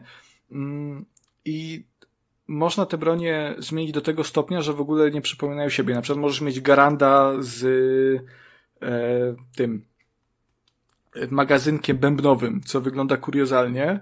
W moim odczuciu to jest bardzo, bardzo coś, coś bardzo fajnego, bo można te wszystkie bronie dostosować e, bardzo mocno pod siebie, e, otwierając e, takie wrota na, na inne strategie grania. Natomiast to też się spotkało z krytyką ze strony może nie tyle weteranów Call of Duty, ale weteranów Call of Duty, którzy są też y, takimi historycznymi firkami, bo się wszyscy oburzyli, że to jest niezgodne z realiami. No bo coś tam, bo Garant, bo coś tam, bo, bo STG-44 to coś tam. I trochę to wybija też z samej gry. Y, może, bo te bronie w ogóle siebie samych nie przypominają. No ale ja, ja to czułem jako, jako zmianę e, bardzo na plus. Mm, natomiast osobiście mi się nie podoba to, że od, od kilku ładnych części y, zamiast y, walczyć, zamiast tych, tych sieciowych walk między na przykład no, tymi państwami osi a aliantami, y, to, to jest tutaj szczególnie bardzo widoczne. Walczymy między moim zespołem a zespołem przeciwników. I to jest dosłownie tak nazwane w leaderboardcach. I do tego mamy operatorów, którzy niestety są dla, dla każdej drużyny są tacy sami, no bo nie ma w zasadzie drużyn, jest nasza i ich drużyna. E, przez co na polu, na polu bitwy, kiedy się wbiegnie na wroga, mm, no to trudniej jest y, wzrokowo ocenić, czy to jest przeciwnik, czy to jest, y, czy to jest sojusznik. Kasper mi zarzucił, że on się patrzy na niki, czy jest czerwony nik, jak, jak jest czerwony to szczela, jak jest zielony to nie szczela. E, natomiast, no nie wiem, no ja patrzę bardziej na bohatera, bo pierwsze, co zauważam, to jest bohater, a dopiero potem patrzę na nick. No i to mi nie odpowiadało, ale poza tym, no multik jest, jest bardzo spoko, e, czego niestety można, nie można powiedzieć o e, trybie zombie. O dziwo, bo tworzył go Treyarch. no i tu się niestety muszę zgodzić, bo tryb zombie, znaczy widać, że oni po prostu to był taki trochę przedwczesny wytrysk z tym trybem zombie, bo on w grze jest od samego początku, ale tam nie ma w tym momencie tak naprawdę żadnego kontentu. Mm, jakby tryb zombie też troszeczkę się zmienił w, w tej chwili, bo e, Boże, w jakim to mieście? E, Kraków. Nie, Kraków. Ra Radom. Ten... Bydgoszcz. Stalingrad, o. Sta jesteśmy w Stalingradzie. E, to jest jakby nasz taki, takie lobby, można powiedzieć, taki hub, e, gdzie się znajdujemy e, i, i tam możemy ulepszać swoje bronie, jakieś tam zasoby, inne takie duperele, no i jesteśmy tam całą grupą, musimy w międzyczasie też odpychać jakichś tam nadchodzących zombiaków, chociaż to tam jest żaden problem. E, co jakiś czas w różnych miejscach otwierają się portale, które przeprowadzą nas do takich różnych misji. Mm, więc cała, jak cała grupa zaakceptuje, że tak odpowiada im ta misja, no to e, ten portal nas przenosi do jakiegoś innego małego świadka, e, gdzie wykonujemy naszą misję. I te misje są bardzo proste tak naprawdę i bardzo szybko się nudzą, mm, bo to jest po prostu albo trzeba wybić zombiaki na mapie, e, albo trzeba po prostu zbierać runy po tym, jak się zabije zombie, czyli kopia tego, zabójstwa potwierdzonego. To jest właściwie po prostu zbieranie tych nieśmiertelników. E, tylko że tutaj są one czerwonymi runami. Jest też, e, trzeba przeprowadzić taką świecącą złotą kulę z punktu A do punktu B, jednocześnie cały czas e, odwalając tych zombiaków. I jest tam kilka tych możliwości, natomiast to jest strasznie powtarzalne i właściwie po dwóch godzinach grania w zombie macie już kompletnie dosyć tego trybu, bo to nie ma Szacun, nic więcej. Że, że dwie godziny aż wytrzymałeś. Oczywiście podczas grania zdobywacie jakąś tam walutę, którą właśnie potem możecie przeznaczyć na ulepszanie swojej postaci, na kupowanie nowych perków, na ulepszanie tych broni. No wszystko super, tylko pytanie po co to robić, skoro no nie ma kontentu. I faktycznie, twórcy obiecali, że dostaniemy tryb fabularny, czyli coś, co jest najciekawsze w zombiakach, i ogólnie ma być więcej kontentu. Pierwszy tam sezon ma ruszyć, ale to dopiero w grudniu. E, no, umówmy się, no, jeśli e, kupuję grę, no to nie mam ochoty czekać y, tam około miesiąca na to, żeby jeden z głównych trybów dostał cokolwiek więcej niż nic, tak naprawdę, nie? Więc tutaj faktycznie minusik. No, te zombiaki się gra przyjemnie. No, jeśli lubi, lubicie tryb zombie ogólnie, no to z pewnością ten też się wam spodoba. Tylko, że tutaj po prostu brakuje rzeczy do roboty. Zwyczajnie. I to jest takie demo zombie, nie? Znaczy, wiesz co, e, ja mam z tym inny problem w ogóle, bo ja to, że wprowadzili te misje, to, to ja uważam, że to jest bardzo fajnie. Ja lubię te tryby zombie, kiedy one są bardziej skupione na wykonywaniu tych obiektywów, e, na przykład właśnie World War II, e, czyli poprzednia gra Ravenów, też miała e, bardziej taki zadaniowy tryb zombie, mm, no bo, no bo te, te tryby fabularne, one są oparte na tych easter eggach, czyli trzeba zawczasu tak naprawdę wiedzieć, co zrobić, trzeba gdzieś to w sieci to przeczytać, e, żeby potem to wykonać. E, I mój problem z Vanguardem, z zombie w Vanguardzie jest, jest taki, że one są zajebiście wolne, bo tu zmieniono najważniejszą rzecz, czyli to, że fala nie przechodzi do kolejnej, tej, tej trudniejszej po tym, jak wybije się wszystkie zombiaki na mapie, tylko e, do wyższej fali przechodzimy dopiero jak ukończymy kolejną misję. E, a jako, że te misje trwają dłużej niż, niż dotychczasowe fale, to po prostu cały ten tryb on przyspiesza dużo, dużo, dużo wolniej niż dotych, dotychczas. Przez co po godzinie gry, kiedy zazwyczaj wtedy to już e, w poprzednich Call of Duty ja już pada gryzłem ze stresu, że tu nie gryzie w dupę zombie, jak tam leci jakiś stwór z miotaczem ognia, tutaj ja dalej te zombiaki rozwalałem bez większego problemu i przez to ta gra po godzinie, po dwóch godzinach robi się po prostu nudna. To jest ten problem moim zdaniem tych zombiaków w tej części. No, no to ja tylko jeszcze na koniec powiem, że e, Konrad grał e, w koda na Xboxie Series X, ja grałem na PS5 i DualSense tutaj jest świetnie wykorzystany, naprawdę. E, I, I ogólnie ten pad od, od Playki robi naprawdę dużą robotę i to wczuć w tych grach. Call of Duty też to pokazuje, więc jeśli macie możliwość sprawdzenia Vanguarda na, na PS5, to bym zalecał, bo naprawdę fajne doznanie. Mm, no i na sam koniec informacja, że jeśli chcecie poczytać więcej od nas, to e, recenzję Konrada znajdziecie na GamerWebie, plus wpis na jego blogu, recenzję moją pisną znajdziecie na Antywebie, także jeśli byście byli zainteresowani, to, to zapraszam. Dobrze, a teraz e, mikrofon oddajemy Jakubowi. Teraz także, ja wam opowiem o prawdziwym szczelaniu. Dobrym szczelaniu. Bo miałem okazję zagrać w Bright Memory Infinite. I to jest w ogóle bardzo dziwny twór bo ta gierka już jakiś czas temu, kilka lat wstecz, pojawiła się w Early Accessie i ona tam została bardzo dobrze przyjęta, ale to był, e, wtedy wyszło jako epizod pierwszy. Później miał być epizod drugi, miały być in, e, port do innych platform i tak dalej, ale właśnie w pewnym momencie twórca zdecydował, że to zostanie jakby wszystko przerobione, odrobinę wydłużone, dopracowane i ukaże się jako, jako ta wersja in Infinite. I to jest też dziwne bardzo, że jestem pewny, że każdy, kto spojrzy na materiały z tej gry, nie uwierzy, że to jest gra robiona przez jedną osobę. E, I tak jest. Jest to sobie tam pan z, mm, z chińskiego studia, które nazywa się FYQD. I, I to on stworzył sam i to jest bardzo, no nie wiem, no myślę, że też co? Co to za śmieszki były? Słyszałem tam jakieś śmieszki. Nie, ja nic nie powiedziałem. Nie, no. Przesunąłem się na krześle Kuba. Ja już jestem wyczulony, bo się ze mnie cały czas śmiejecie. yy, no ale co, no pięknie wygląda.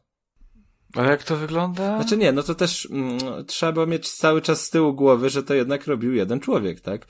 E, ale mm, to jest gra bardzo krótka. Jej przejście zajmuje tak około dwóch godzin. Więc tutaj opowiadanie o, o fabule praktycznie nie, nie wchodzi za bardzo w grę, żeby nie było spoilerów. No myślę, że wystarczy, że powiem, że wcielamy się w taką panią, która jest super agentem i ma tam super zdolności i super ekwipunek. No to fabuła jak w to zajebiście, widzę. powiem ci. I ona...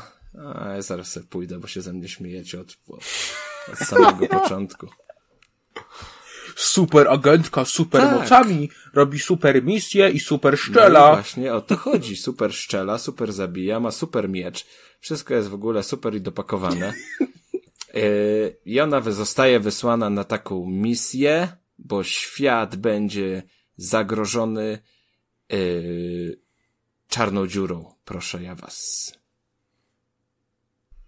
Tak, czarna dziura pochłonie świat, a naszym zadaniem jest sprawdzić, co się dzieje i powstrzymać. I jesteśmy sobie wrzuceni w ten świat. I to jest shooter, którym są też elementy skradanki i w którym jest walka wręcz i w którym są, w którym są jeszcze takie, no, jakby powiedzmy epizody wy, wygenerowane, tak, że mamy tutaj założenie z góry, że teraz jedziemy samochodem, a tutaj będziemy lecieć na samolocie i tak dalej. I to wszystko upchnięte jest w dwie godziny i to jest naprawdę bardzo takie, można by powiedzieć, intensywne, intensywne doznanie. I teraz tak.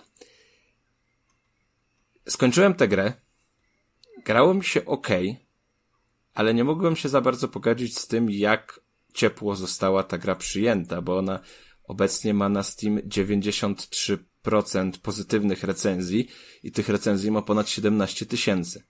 I to chyba trochę wynika z tego, że to jest gra chińska i tutaj Chińczycy mogą mieć podobny syndrom jak, jak my Polacy, że jak coś jest polskie, to my od razu pozytywne dajemy i że to jest najlepsza gra, bo to jest Polska i zaraz ją wygl wygloryfikujemy i będzie pierwsza na Steamie i tak dalej, i tak dalej. Tutaj chyba zadziało się coś podobnego. Przy czym to nie jest zła gra, tylko no tak jest taka troszkę... Mm, w każdym z tych elementów, które wymieniłem, jest taka trochę niedorobiona, coś tam jej brakuje, no nie zachwyca, Strzelanie jest, fajnie się strzela, bronie są przyjemne, ale przeciwnicy tacy troszkę nie, nie, nie za bardzo rozgarnięci, yy, łatwo się ich, łatwo się ich odstrzeliwuje. to skradanie jest, ale ono się tak opiera na bardzo prostych zasadach, że jak na ciebie spojrzy, to cię wykrywa, jak nie spojrzy, to, to, to go możesz odejść, podejść od tyłu i zabić. Jest tam walka z bossami, no ale walka z bossami to wygląda tak, że są to takie potężne kreatury, które tam nas są w stanie miażdżyć wszystkim. My w nie pakujemy wszystko, co mamy, że tam pasek życia im powoli ubywa ale na przykład jest taki wielki kolos, który nas tam atakuje potężną łapą i wystarczy nacisnąć przycisk bloku i już jest ten atak zablokowany i tyle. Także tu też jest y, takie no dość uproszczone. Mm. Najfajniejszym elementem fabuły no ale to sam powiedziałeś, że tę grę robiła jedna osoba. No właśnie, więc właśnie, też właśnie, wydaje właśnie. mi się, że jest bardzo. No, trzeba, trzeba też to brać pod trzeba uwagę. Trzeba to brać pod uwagę, ale to. Mm, to nie zmienia tego, ciągle, że to jest taka gra, nie inna, tak? No, no ciężko jest oceniać finalnie grę przez pryzmat tego, że, że robiła ją jedna osoba, jeżeli są tam jakieś, no, niedopracowania. No, to jest tak, bardzo dziwny twór. Um, mówiłem, że najfajniej, jeśli chodzi o klimat, to się prezentuje to, że ten taki, bo to się dzieje w lekkiej przyszłości, tam chyba 2036, taka, taki lekki futuryzm. Um, I to wygląda ok, ale w niektórych momentach gra przenika się jakby z przeszłością, takimi starymi Chinami, gdzieś tam z czasów emperorów i tak dalej. To chyba oni rządzili Chinami. Mm, I tam wtedy już nas atakują po prostu postacie uzbrojone w miecze i różnego rodzaju stwory. I to są takie najfajniejsze momenty. Mm, no i wizualnie też najsłabiej prezentuje się główna bohaterka. Bo jakoś tak. Nie no, ładna jest. No. Mm, jakoś tak jest. Nie, właśnie e, miałem powiedzieć, że gra wygląda zajebiście. No to jest fakt, jest prze, przecudowna, jest przepiękna. Natomiast y, sama bohaterka po prostu to wygląda jak totalnie z innej produkcji. Bo tutaj jej tak trochę przez całą grę i tak trochę z, pusto z oczu patrzy i to jest naj, największym problemem. Jakoś tam nie ma w tej postaci po prostu okay, czyli, ducha. Czyli żeńska bohaterka musi się e, podobać nie, waszej męskiej znowu, fantazji, znowu, tak? Tak, okay. ale, ale jest... Super, fajnie, fajny. Ale fajnie, jest Azjatką. Azjatką taki... Jest. Może być, że jest Azjatką? To to coś ratuje chociaż trochę? No, nie, no coś, coś jest, e, no, po prostu może to jest najtrudniejszy do, do zrobienia element. I wyszedł jak wyszedł. A Kuba, a przyznaj się, kupiłeś sobie ten e, Bikini DLC? Jest serio coś Jest 7.19. 7.19? O, to sporo. Wyślę ci zdjęcie, no. Nie, no. I ma takie te żółte bikini z taką sukieneczką nad dupę. No, to ja jeszcze pewnie do tej gry będę wracał, bo e, wiadomo, tak? Ale czekajcie, bo mnie rozpraszacie cały czas. jak usłyszałeś, że jest bikini DLC, to będziesz wracał, tak? No, Dobrze. Dokładnie, dokładnie. Mm. Jakbyś chciał, to jest jeszcze e, wersja Black Kitten. W tym stroju prezentuje się dużo lepiej. Tak, jest wersja skinny, skinny jeans. To może celowo ona jest, jest tak zrobiona jest, w podstawowej wersji, żebyś się skusił na to. Żebyś zapłacił. Jakbyś, jakbyś chciał po Bożemu, to jest jeszcze wersja Youthful Days i ona jest takiej, wiesz, w takim mundurku szkolnym jakby. Mhm. To wcale no. nie seksistowskie. A ma pod, ko pod kolanów, ma pod kolanówki? To nie ja tę grę stworzyłem, ja tylko mówię, co jest dostępne do kupienia, Aha. kurwa, nie? Nie, to, to byłby wtedy raj dla tych, dla mango zjebów. Już jest. Chcia no, chciałem tak. jeszcze tylko powiedzieć, że te miejscówki mm, są bardzo ładnie odwzorowane i te wszystkie chińskie budynki, to one wyglądają dosłownie tak jak, nie wiem, pojedziesz na wycieczkę do jakiegoś chińskiego y, miasteczka turystycznego, takiego, wiesz, starego miasta i tam... No tak, on musi się teraz pochwalić. A, a, a Kuba, a skąd wiesz, co byłeś kiedyś w Chinach? Byłem raz, Ciekawe. albo dwa. E, albo, albo siedem lat. E, I one wyglądają normalnie tak, tak jak jeden do jednego. No wszystko to, to wygląda tak, jakbyś był na wycieczce po prostu. Bardzo, bardzo ładnie to wygląda.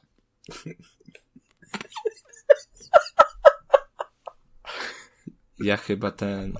Chyba jednak ten odcinek nie będzie opublikowany, coś mi się wydaje. Co panowie tutaj żarty.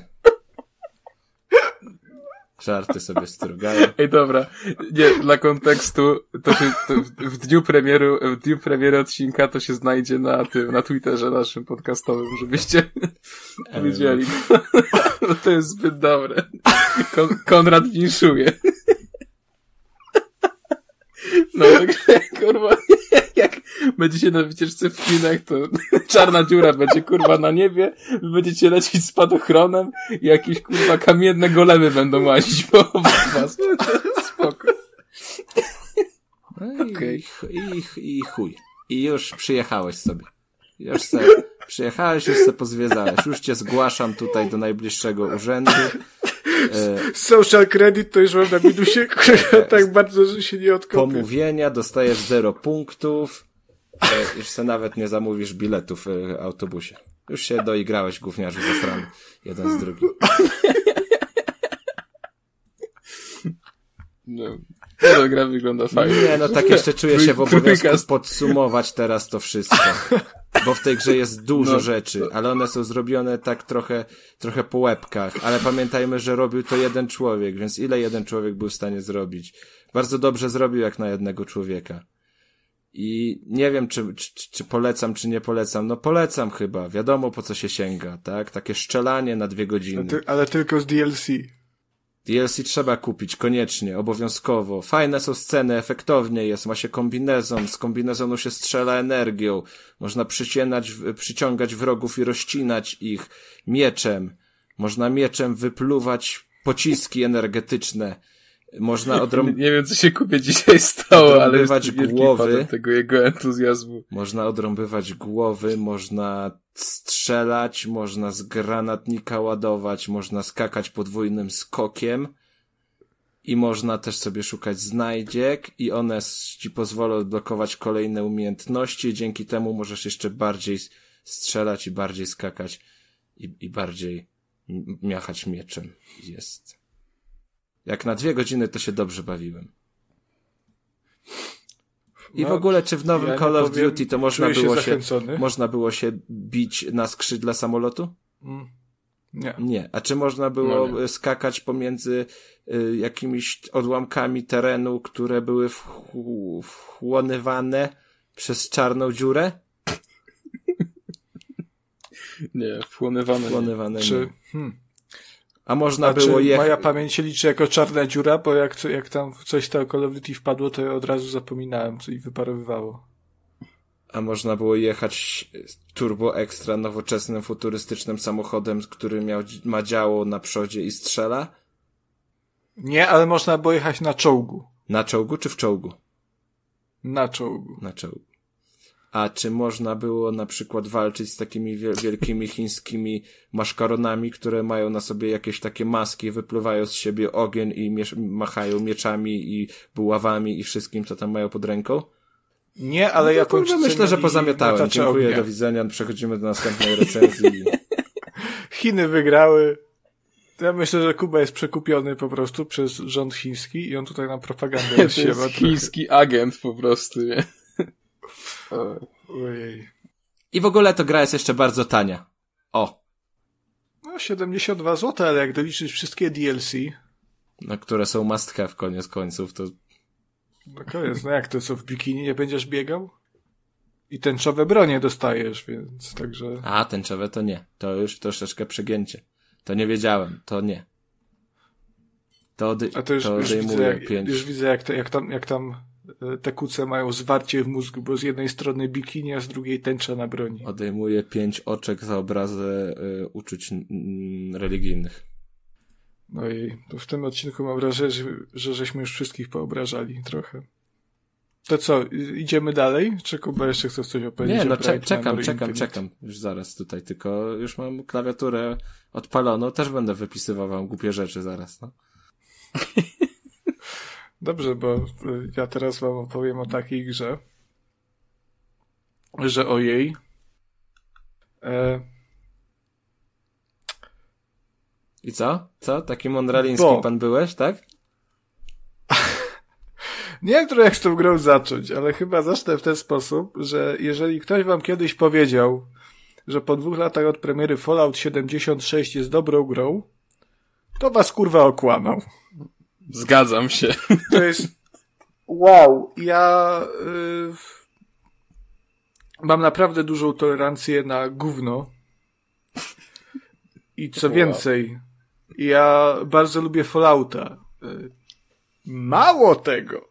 Ja bardzo lubię Fallouta czwartego, który no, opinie wśród fan, fanów e, zebrał raczej mieszane. E, natomiast, kiedy ostatnio odpaliłem Fallouta 76, to zapłakałem. Bo aut autentycznie słyszałem przez ostatnie dwa lata, że nie, no teraz Fallout 76 to tam spaczowali, teraz to się fajnie gra i teraz jest spoko gierka w końcu, nareszcie. Po dwóch latach y, i aktualizowania Fallout 76 y, w wersji na PS4, w którą y, grałem ja oraz Kacper. Kacper miał to szczęście, E, że grał na PS5, więc zakładam, że działał trochę lepiej. No, ale to nie wpłynęło na bardzo pozytywny odbiór tego, mogę od razu powiedzieć. No, no, jakby, no. Natomiast na bazowym PS4, tym z 2013 roku, Fallout 76 działa w bardzo stabilnym klatkarzu, 15 klatek na sekundę ze spadkami do 5 FPS-ów, e, kiedy gra się ładuje. E, w sensie już się ładowanie prawie minutowe skończyło i po prostu gra doczytuje tekstury i modele e, w locie. E, zajebiście się gra, super, kurwa, 15 klatek, jest bardzo filmowo, bardziej sobie nie, nie mogłem wymarzyć lepszego sposobu na spędzanie popołudni i wieczorów niż właśnie Fallout 76.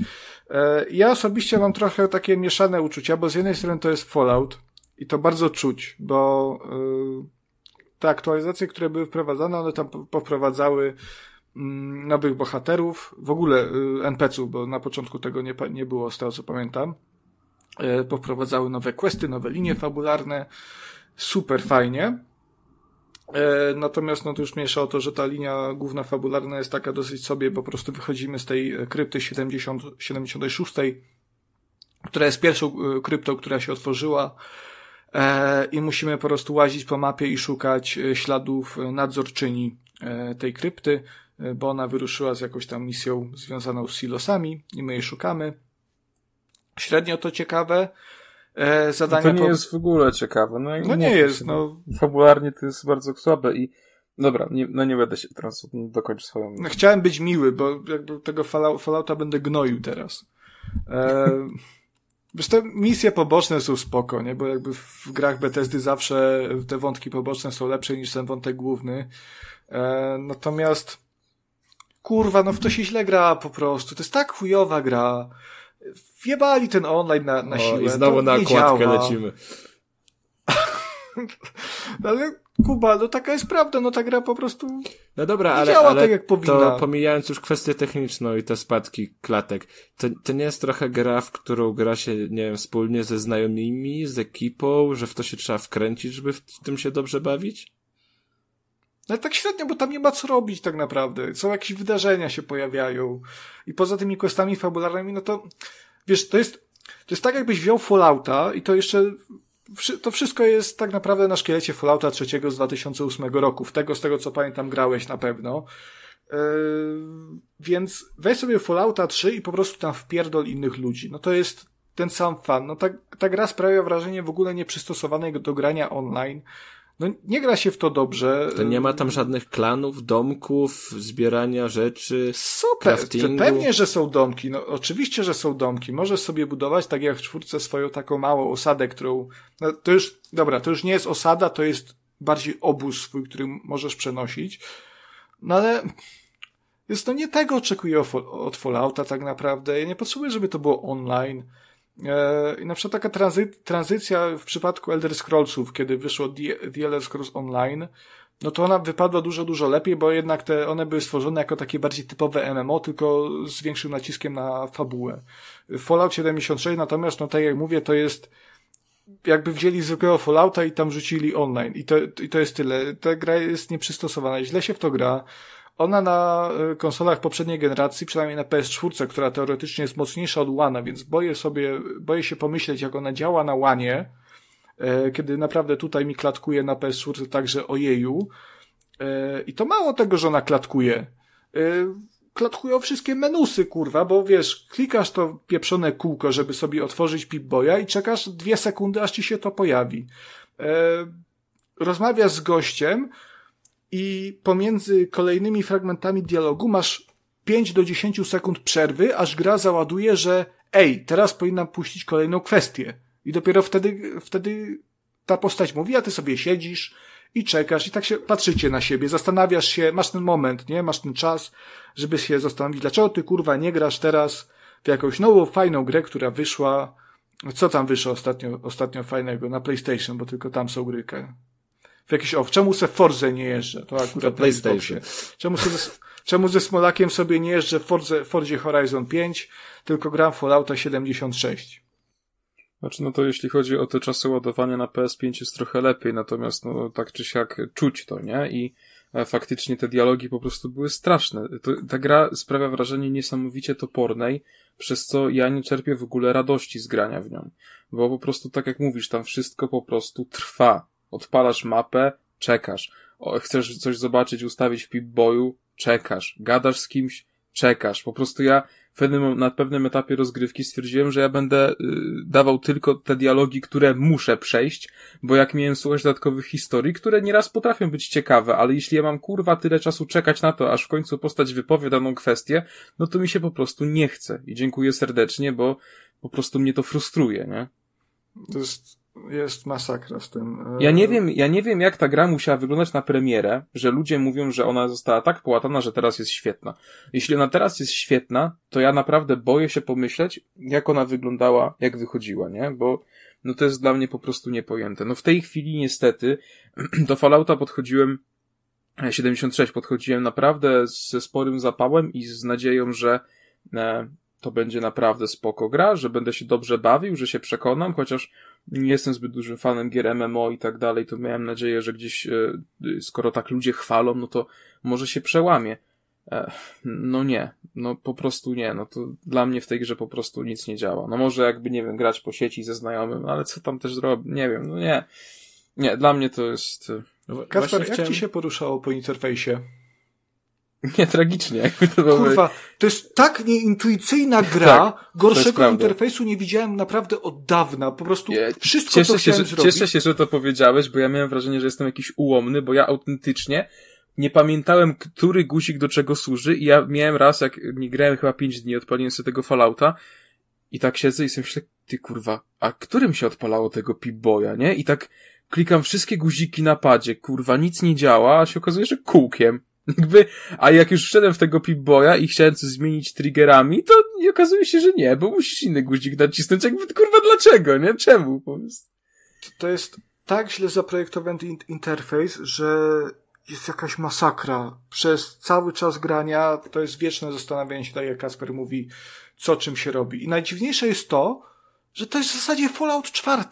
To jest ten sam silnik i w Falloutie 4 to takie mam wrażenie przynajmniej, bo, bo nie pamiętam, że miał takie problemy z ogarnianiem czegokolwiek, e, to sterowanie było ogarnięte dużo, dużo prościej, a teraz e, za cholerę nie mogę odgadnąć, jak się na przykład bronie dodaje do, e, do listy zmian.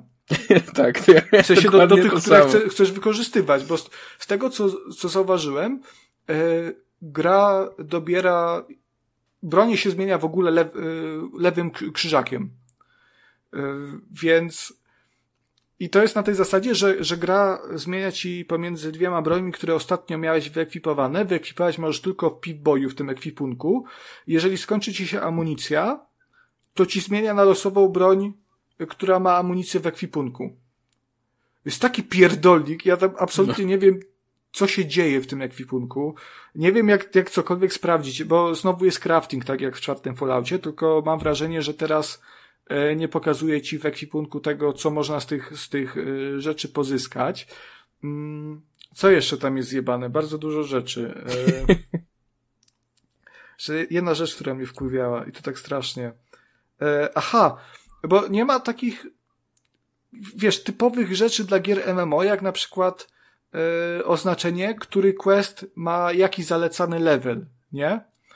Oj, to jest prawda i to też jest strasznie irytujące, bo ja już kurwa nie wiem, czy najbardziej, że te główne questy czasami mają tak głupie e, misje, że ja autentycznie nie wiem po prostu, czy mam mi zebrać zboże, czy zabić trzech jakiś tam, wiesz, wiesz o co mi chodzi, jakby, tak. że nie mam zielonego pojęcia, co jest jakąś tam poboczną linią, na którą, którą mogę mieć w dupie, a co jest główną misją, bo autentycznie gra tego nie pokazuje w ogóle, a te misje są tak samo ciekawe, jak w wykonywaniu w Falloutie 76. W ogóle to, to jest tak dziwne, że jest podział na główne misje i misje poboczne i mam wrażenie, że wszystkie misje poboczne wpadają do kategorii różne i potem jak je wykonasz, to one przechodzą do kategorii misji głównych.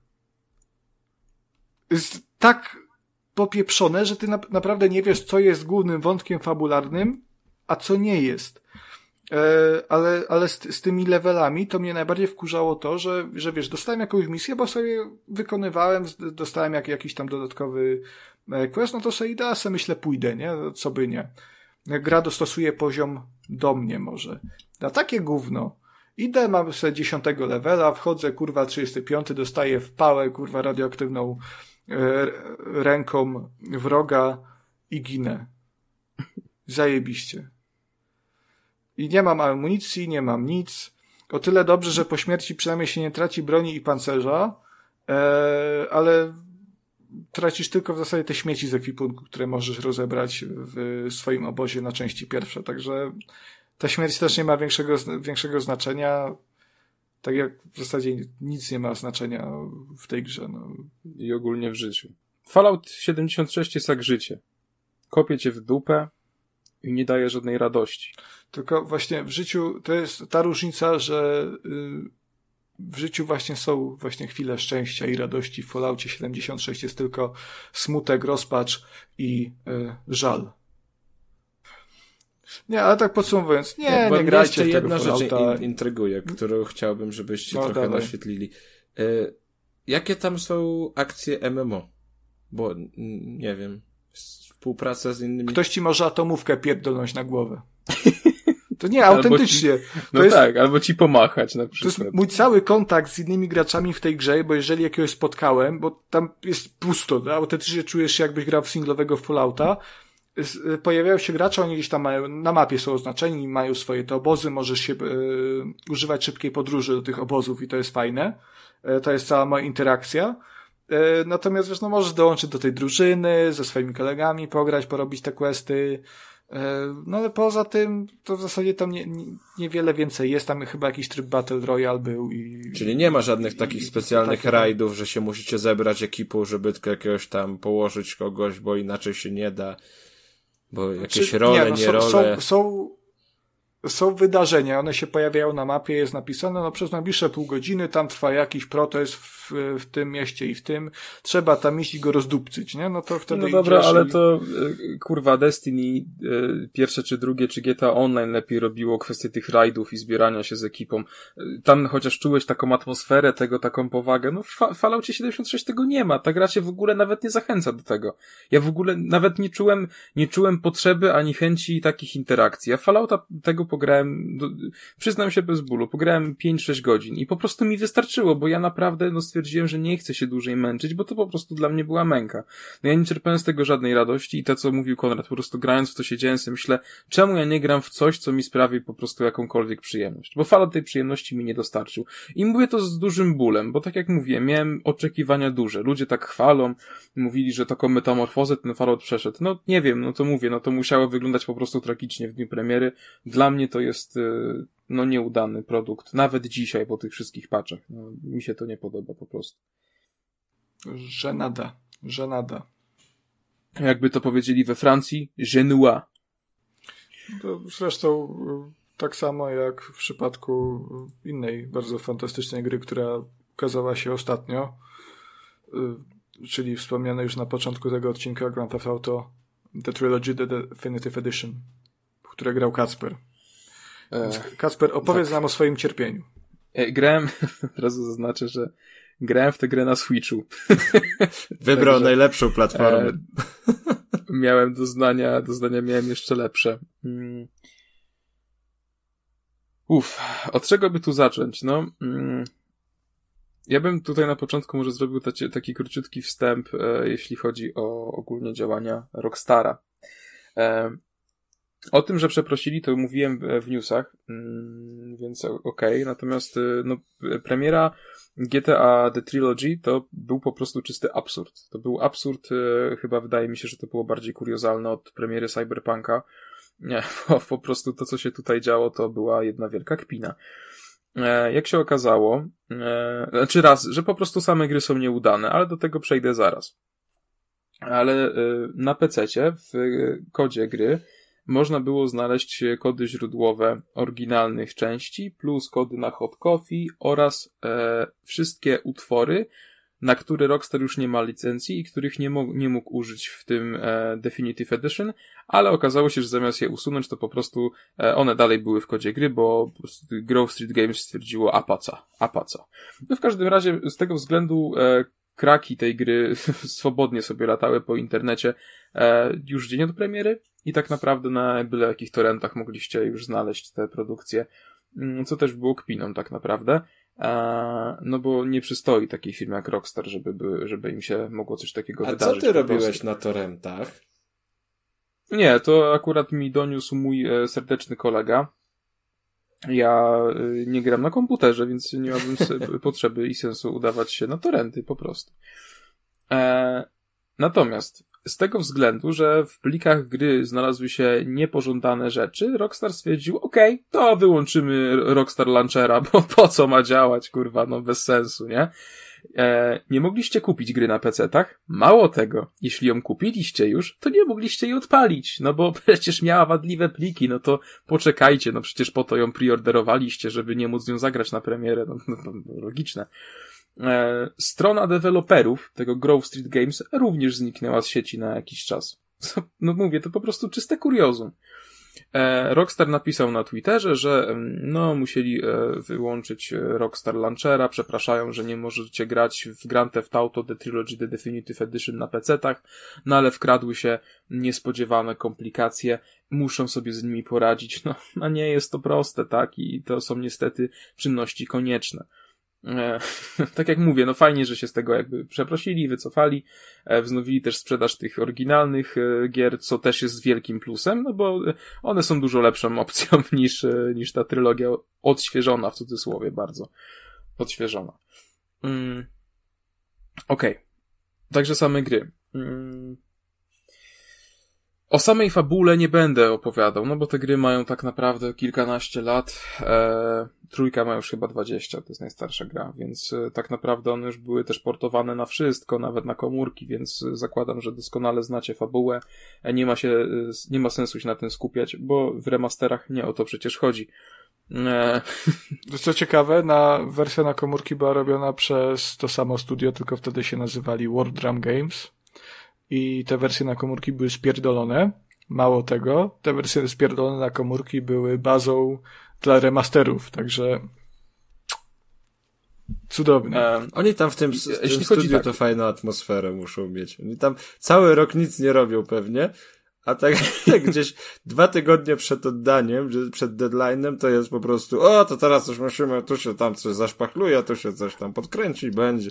No, ale, pan ale przecież CEO CEO studia pisał na, nie wiem, czy na LinkedInie, czy na Twitterze, już teraz nie pamiętam, e, ale jakoś tuż po premierze, kiedy wiesz, całe szambo się wylało i, i były te kompilacje gliczy i bugów i memów z, z tej zremasterowanej trylogii, e, no to CEO studia napisał, że no on się bardzo cieszy właśnie, że jest pozytywny taki odbiór i że, i że gracze się cieszą tą grą, i tak wiesz, tak siedzisz, czytasz to i się zastanawiasz, o chuj tam go, gościu chodzi, znaczy tam już jakieś weszły marihuaninen, czy coś, czy alkoholem, bo no, trzeba być al, nie, no. albo oderwanym od rzeczywistości, albo po prostu ślepym, żeby. Albo, żeby wiesz co, znaczy ja, ja, ja bym takie zachowanie bardziej odczytał jako bezczelne, tym bardziej, że mówię, no zdjęli strony z sieci, zablokowali, zablokowali launchera na PC-cie. Kurwa, fajnie, że się cieszycie z tej gry, która tak się fajnie udała, a jej premiera przeszła bezproblemowo. No przecież to jest po Mo prostu absurdalne, nie? Może to był jakiś taki eskapizm, wiesz, mechanizm obronny. Nie, podoba im się, podoba im się, na pewno, cieszą się.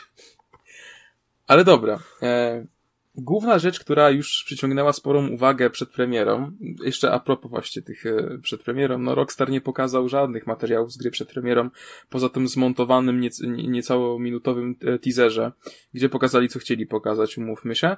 Mm, natomiast tam dzień czy dwa przed premierą oficjalną wrzucili do sieci kurwa gify. No fajnie, nie? To jak za, zamówiłem grę, zapłaciłem, znaczy no ja, ja nie zapłaciłem, e, ale dobra, jeśli ktoś zamówił, zapłacił, tak? To mam na myśli to totalnie chce widzieć gify z tej gry, bo to go interesuje, żeby widzieć gif z gry, za którą zapłacił 300, nie?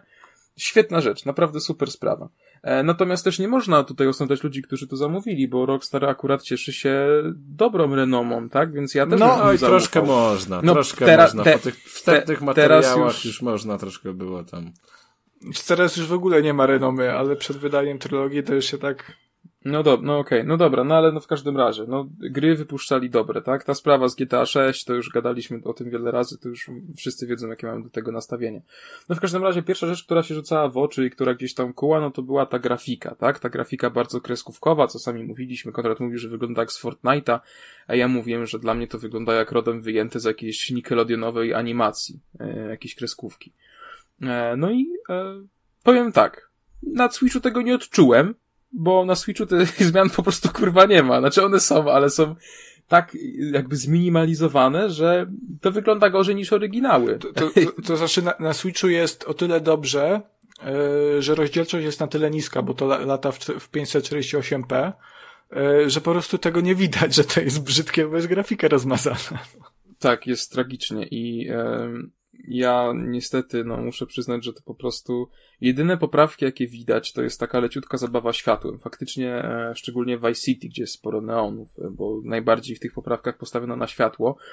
Mm, ale to też nie jest tak, jakby te neony tam nie świecą lepiej. Po prostu jak jedziecie samochodem o, o, tam przez ulicę bardzo oświetloną, to zobaczycie gdzieś tam jakiś różowy miźnięcie na waszej karoserii, nie? I to jest wszystko. Mm, jak patrzyłem na gameplaye z, z innych platform, to szczerze naprawdę zazdrościłem ludziom, którzy mogą w to grać na innych platformach. I e, to też e, chyba pokazuje, jak źle to jest zrobione na Switchu, jeśli e, ludzie jadą po tym, grając to na PS5, na Xboxie Series X, czy na PC, e, a to wygląda na tych platformach tysiąc razy lepiej niż na Switchu i działa też dużo lepiej. E, no, także tutaj, mówię, zaznaczam, no to ja się skupiam tutaj na, na Nintendo. E, wyszło to po prostu tragicznie. E, sam wygląd jednak nie jest największym problemem. Problemem jest to, że ta gra po prostu działa tragicznie. Ona się tak kurwa tnie. Ostatnio nawet pojawiło się porównanie w sieci. Wyobraźcie sobie, że oryginał emulowany na PS Vicie działa, miał więcej FPS-ów i działa płynniej niż kurwa remaster Definitive Edition na Nintendo Switch. No przecież to jest po prostu jakaś Ale na Switchu, ale na Switchu masz taki OG experience, ponieważ y, gra na PS2 też działa o 25 klatkach. Na PS2 to działało dużo lepiej, Konradu. Nie, nie, nie, nie, działało w 25 klatkach. W każdym razie, no jest... Y jest tragicznie i co mnie na przykład najbardziej chyba frustrowało, bo te spadki FPS-ów są niezrozumiałe dla mnie. To jest absurd, po prostu. Tak nie powinno być.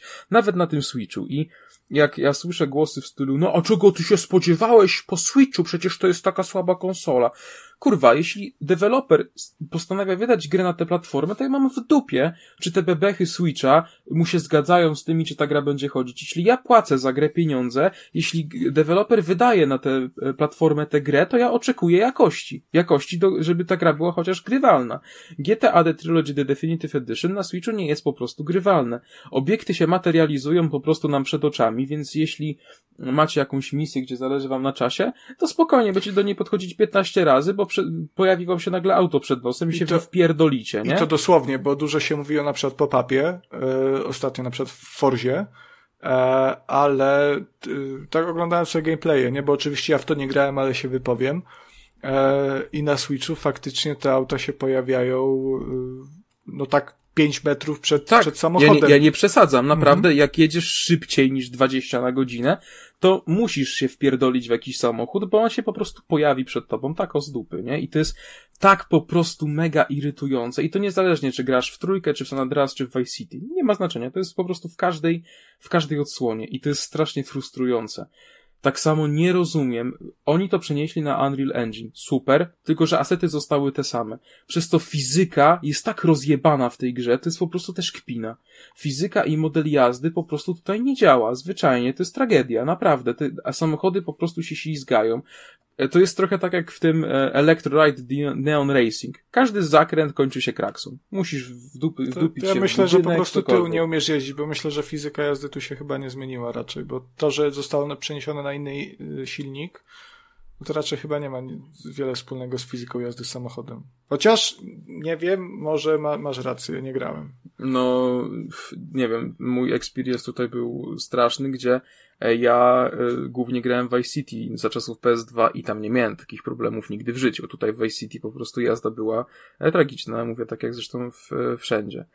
Mm, jest to po prostu kiepskie doświadczenie, naprawdę, no, tak naprawdę to Plusem wersji Switchowej, e, jeśli gracie oczywiście w trybie handheldowym, jest to, że zobaczycie mniej e, problemów, no bo to jest jednak mały ekranik, tak, więc nie wszystko e, dostrzeżecie. Natomiast jeśli macie Switcha zwykłego, tudzież OLEDa, więc włożycie konsolę w doka, no to na większym monitorze to po prostu zapłakać się idzie, bo to naprawdę wygląda według mnie gorzej niż oryginalne wersje. I przysięgam, że stwierdziłem, że podepnę sobie PS2 i autentycznie te gry mi się dużo bardziej podobają na PS2, porównując je e, do wersji Switchowej. Bo one stylistycznie nie. są spójne. S, y, te remastery nie są stylistycznie spójne. Masz, masz zajebiście kreskówkowe, wygładzone przez sztuczną inteligencję postaci. W niektórych przypadkach do tego stopnia, że one są w zasadzie nie, no, nie wyglądają jak, jak ory, oryginalni bohaterowie, tylko jakieś tam, y, nie wiem, off-brandowe E, ich wersje. Mm. No i a, a, a przy okazji masz te wszystkie, cały świat, który wygląda dużo, dużo lepiej. Masz te odbicia ładne, masz te neony i to oświetlenie nie, zmienione. Nie, nie na Switchu, nie na Switchu, naprawdę, no na, nie na Switchu. No na Switchu nie, no ale, ale wiesz, wystarczy odpalić jakiś gameplay na, na PS5, na, na Sirius Xie I wiesz, i ten świat, zwłaszcza przy okazji Vice City czy San Andreas e, gdzieś na wsi, e, to wygląda super, nie? Tylko kurwa, no to nie jest spójne, bo masz gościa, który wygląda jak z Simpsonów albo z Simsów i masz świat, który wygląda jak jak nie wiem, jak z Bright Memory Infinite, nie? Jak Kuba wychodzi no, do sklepu. Tak, tak, tak. tak. Nie no, zgadzam się. Też strasznie jest kłopot po prostu. Według mnie to jest kwestia tych po prostu tych asetów praca kamery tutaj jest tragiczna. Sterowanie jest niesamowicie toporne. Celowanie to jest w ogóle jakiś żart. Nawet A przecież miało być w GTA pomaganiem. Z GTA 5 zaimportowane jest koło wyboru broni i to jest fajne akurat. To muszę przyznać, że to jest dobre. Natomiast no to mówmy się, to jest żadna nowość. E, na Nintendo e, też GTA wspiera mm, obsługę żyroskopu i tego e, Joy-Conowego HD Rumble, ale szczerze to po prostu są takie bariery na papierze. Podczas grania nawet tego nie odczujecie, więc nad tym się nie ma co w ogóle rozgadywać. To jest wydmuszka.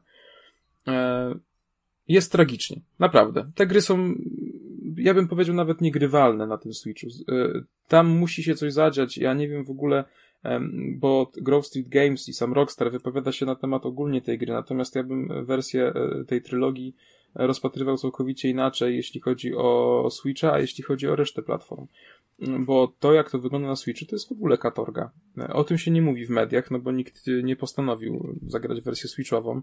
Natomiast mówię, no jeśli deweloper postanowił wydać grę, jeśli wydawca to, to przyklepał, uważam, że to powinno działać. I mówię, jakiekolwiek argumenty w stylu, że no Switch jest słabą konsolą, mnie to nie kupuje. Tym bardziej, że to są gry 20-16-letnie, no nie róbmy sobie żartów, tak? No to po prostu powinno śmigać przecudownie. Ale w sumie to czego oczekiwać w wersji Switchowej, jeśli na e, dużych konsolach nowej generacji macie do wyboru, czy chcecie, żeby gra była ładniejsza, czy działała płynniej. No przecież to jest po prostu jakiś, jakaś kpina. Chcesz no. psikusa w wersji na PS5? E, jedyny wybór, jaki, jaki masz, to czy chcesz, e, czy, żeby gra działała płynniej, czy mniej płynnie.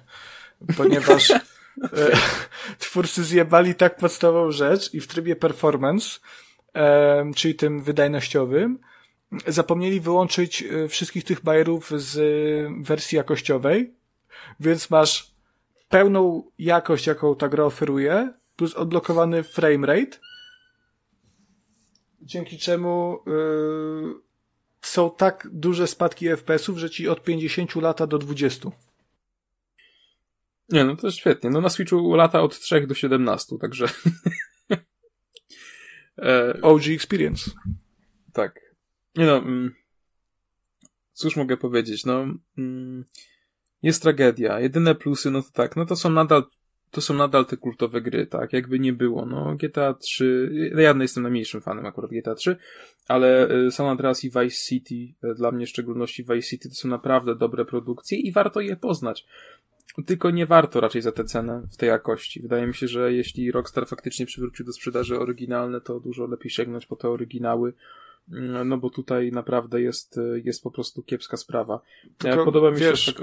Oni, oni je przywrócili do sprzedaży chyba tylko na PC i no, może tak. na PS, PS4, no. więc jak, jak masz Xboxa albo Switcha, to chuj ci w dupę, graj w gówno. Nie, no tak, no to jest prawda, więc jakby no tak czy siak, no to jest, y, mówię, no nie, no, znaczy to jest po prostu, to jest strasznie źle zrobiona znaczy, gra. No to, z tego chyba coś... nie da się ich wybronić. Jakby nie próbować, tak nie ma sposobu, żeby coś dobrego powiedzieć na temat tych. No, wiesz, bo największy problem tej trylogii jest taki, że już tam chuj z tym, z tą grafiką, już, już tam nawet z tym framerate'em, nie? Ale ona ma tyle kurwa błędów, że to jest szok. Znaczy to jest po prostu, mówię, to jest zwyczajnie niegrywalne w tej chwili. No znaczy, no, da się w to grać, ale to jest tak męczące, to jest naprawdę, to jest dużo gorsze doświadczenie niż Cyberpunk na PS4. Czy, czy ja, mogę, moja... czy ja mogę kilka błędów moich ulubionych w tej grze wymienić? E, to czekaj, tylko ja e, powiem te plusy Proszę malutkie. Bardzo. No o, o e... są jakieś. No, no to mówię, to nadal są po prostu fajne gry. Kacper wyszedł z założenia, że dwa minusy dają plus i kilka mu się zebrało. E, dalej e, jest polska lokalizacja. To jest akurat e, spoko sprawa, chociaż napisy się rozjeżdżają z wypowiadanymi kwestiami, ona jest czasami dosyć... Ale co to znaczy, że się, że się rozjeżdżają z wypowiadanymi kwestiami? No, czyli na przykład powiedzmy, że bohaterowie powiedzą cztery kwestie już, a cały czas na ekranie jest jedna, a potem bardzo szybko przeskakują te trzy pozostałe, nie? A, żeby okay, nadgonić. Dobra. No, albo na przykład, nie wiem, e, jak stwierdzą, że nie, nie trzeba nadrabiać e, tych, e, co, nie, co nie, nie, nie przetłumaczyli, to po prostu ci jakby je ucina i to wszystko. Wow. Brakuje ci trzech linijek i koniec. Jest koniec cutscenki, napisów już nie ma. No ale jest ta polska lokalizacja. Faktycznie szkoda jedynie, że w tym momencie, jak zmieniacie język z angielskiego na polski, no to kończy się ta czcionka Grand Theft Autowa, jest zwykły Arial, nie? To też jest straszny, straszna bolączka. I to ja nie mówię tylko o polskich znakach, o jakiś OE, tylko po prostu wszystkie litery tak wyglądają, to jest zwykły Arial. No i tak, tutaj ja też dużo osób hejtuje te ucięte są traki, no ja bym tutaj akurat Rockstara nie obarczał, no bo to jest kwestia licencyjna, no na przykład w Vice City brakuje Michaela Jacksona, co dla mnie było największą stratą, no ale to, że tak powiem jest trochę, nie mam na to wpływu, więc e, tym bardziej, że te radia, stacje nadal są to fajne. Znaczy, tam... wiesz, mają nie można kupić licencji? Wystarczy odnowić licencję. No, tylko że pewnie no, ceny wywindowały bardzo no, przez ale te cena lata, gry też wywindowała do góry. To... No, nie, no ja tutaj akurat bo, uważam, że Ka można Kasper, to... problem, problem w tym wypadku jest taki, że to nie jest po prostu yy, nie wiem, wy, nowa wersja Steamowa, nie? Wypuścili jakaś tam reedycja te, tej samej gry, tylko to jest jednak remaster, to jest no tak, definitywna, no tak. ostateczna edycja i w niej nie ma połowy soundtracku. I wiesz, ja łapię, że licencje wygasają i na przykład nie miałem, nie miałem jakiegoś problemu z tym, że jak kupowałem gdzieś tam po latach yy, kolejną kopię Vice City, bo, bo stara mi się gdzieś tam zepsuła, no to, że nie miałem tego Michaela Jacksona, bo to w zasadzie te licencje się pokończyły chyba w 2014 roku yy, i wszystkie wydania gry po tym roku nie mają tych piosenek, no to o tyle, jeżeli oni już wydają edycję ostateczną, to fajnie by było, jakby chociaż się postarali i te piosenki, mm, wiesz, te licencje kupili. No kurwa, zwłaszcza, że w przypadku GTA 4, jak, po, jak pokończyły się licencje na piosenki z Vladivostok FM, tak, że tam zostały dwie piosenki tylko, to oni kupili nowe piosenki, nie? Także, wiesz, no stać ich, no Rockstar no dobra, Games no... i Take Two stać jakby nie było, te są traki, te, te radia dalej, nadal dają radę, tak? To są, na, nadal spadają w ucho, e, więc Wirok jeśli, wiadomo najlepsze. Jeśli ktoś nie grał w te oryginalne części, to nie będzie czuł żadnego braku po prostu i tam nadal będzie sobie fajnie bujał główką przy jeżdżeniu samochodem. Chociaż nie, bo jazda samochodem jest kurwa tragiczna, ale muzyka chociaż jest całkiem sympatyczna, nie? Tylko, że jak chcesz zmienić stację radiową i skupisz się na napisie na dole ekranu, to pojawi ci się kurwa słup i trzy samochody przed tobą, więc... No, możesz sobie jak w GTA 5 wybrać na kole wyboru muzyki, także zawsze... Zawsze coś. E, więc jedyny plus e, jest faktycznie usprawnienie tej minimapy, e, chociaż ten GPS też czasami prowadzi w taki sposób, że masakra to też jest zbagowane, bo często po prostu prowadzi nas, przy... jest po prostu prosta linia, przychodzi przez mapę, e, nie uwzględnia w ogóle dróg i tak dalej, cię prowadzi po prostu, mówię, po prostej linii, nie? I to jest e, też tragedia. No i to koło wyboru broni, ale no to są tak jakby zmiany, no to nawet zmianami nazwać tego nie można, no ile, ile im to zajęło czasu, no mówmy się to. To jest przykre, że rozpatrujemy to jako pozytywy przy odświeżeniu tak znaczącej dla historii gier trylogii, nie? Jakby mi tak zrobili z Diablo, to bym nigdy nie wybaczył. Ale nie, hmm. mówię, ta gra, ta gra jest najlepsza pod względem błędów, y, które w niej są. To jest y, kompilacje glitchy i bugów na YouTubie, to jest coś absolutnie pięknego, bo masz wszystko.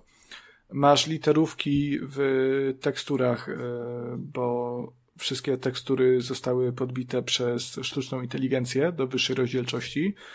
E, tylko, że jako, że przed 20 laty, no to ta jakość była dosyć niska, to nie, nie wszystko się dało tak łatwo odczytać w sztucznej inteligencji, więc są e, no po prostu literówki. E, są znikające mosty w San Andreas. Deszcz, który raz, że wygląda absolutnie okropnie, jest dziwnym jest, gifem. Tak.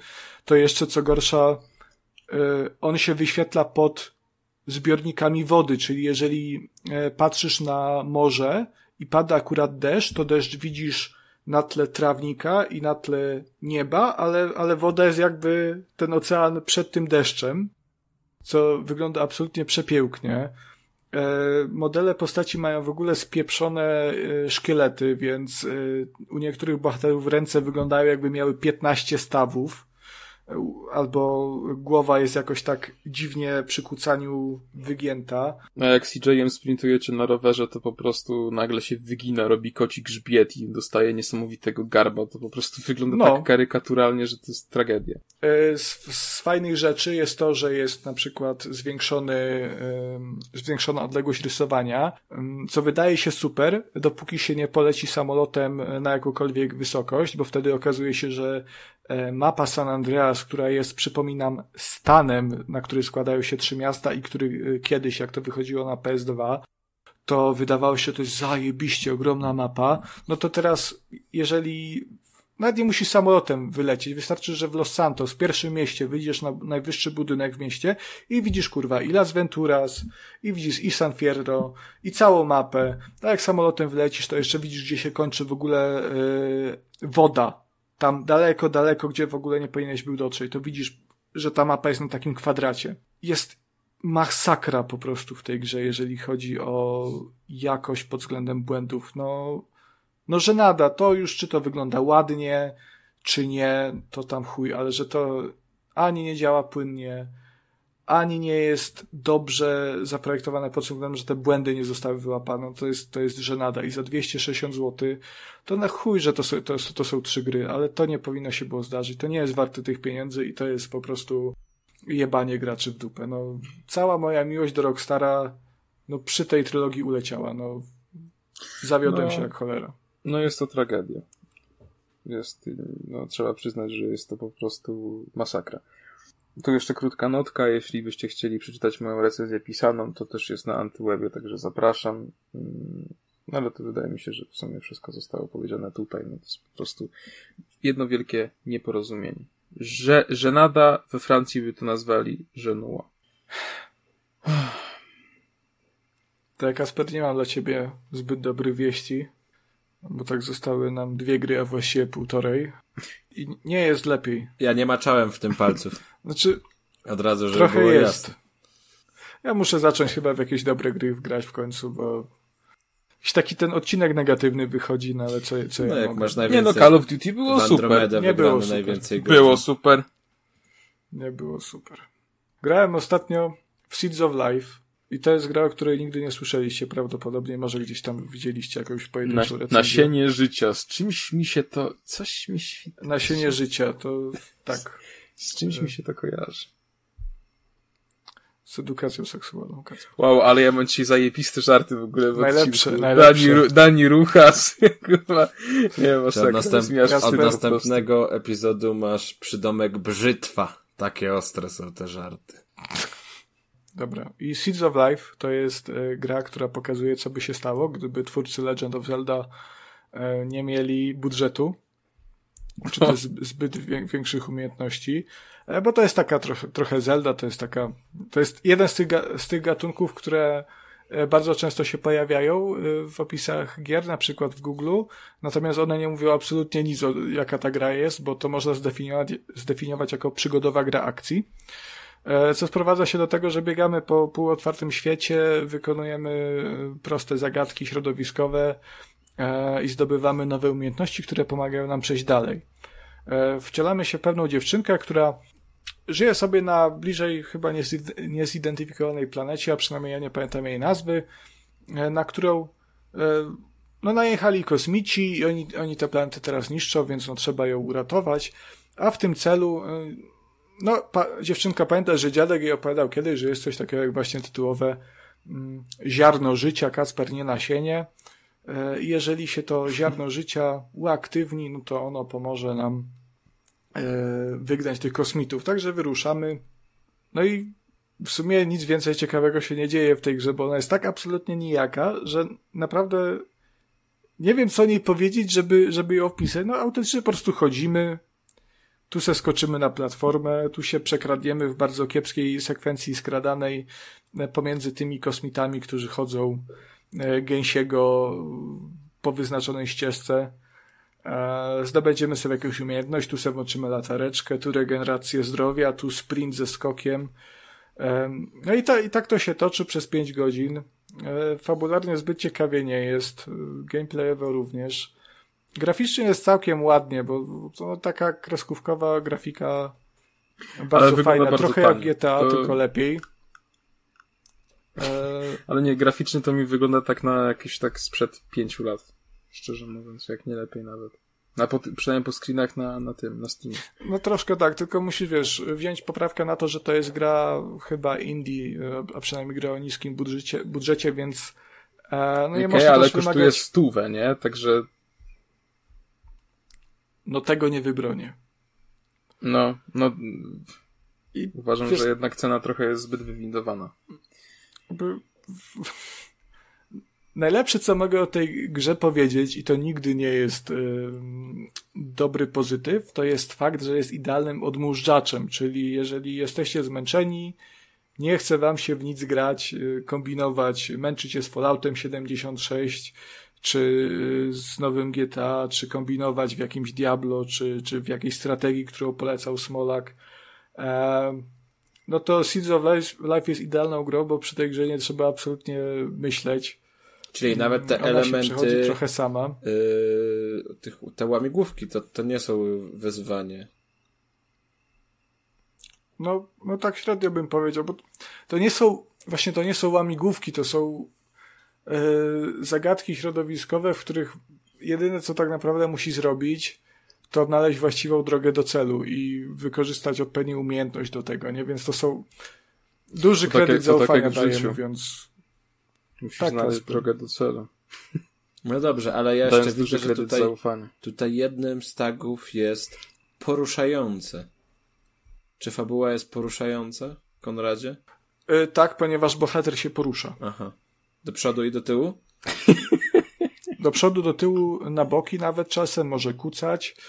Mm, Nie, fajnie jest, ona jest tak nie najlepiej zoptymalizowana, nie? Więc lubi się przycinać, yy, na, na, nawet na takim, no, wiesz, no nie mam mocarnego komputera, tak jak ty, że tam Cyberpunk z, z RTX-em, z tymi, z ray trac- tracingiem, ale no jednak yy, to jest jedna z tych gier w ogóle, które niezależnie jakich opcji byś nie ustawił, to ona będzie działać tak samo i wyglądać będzie też tak samo.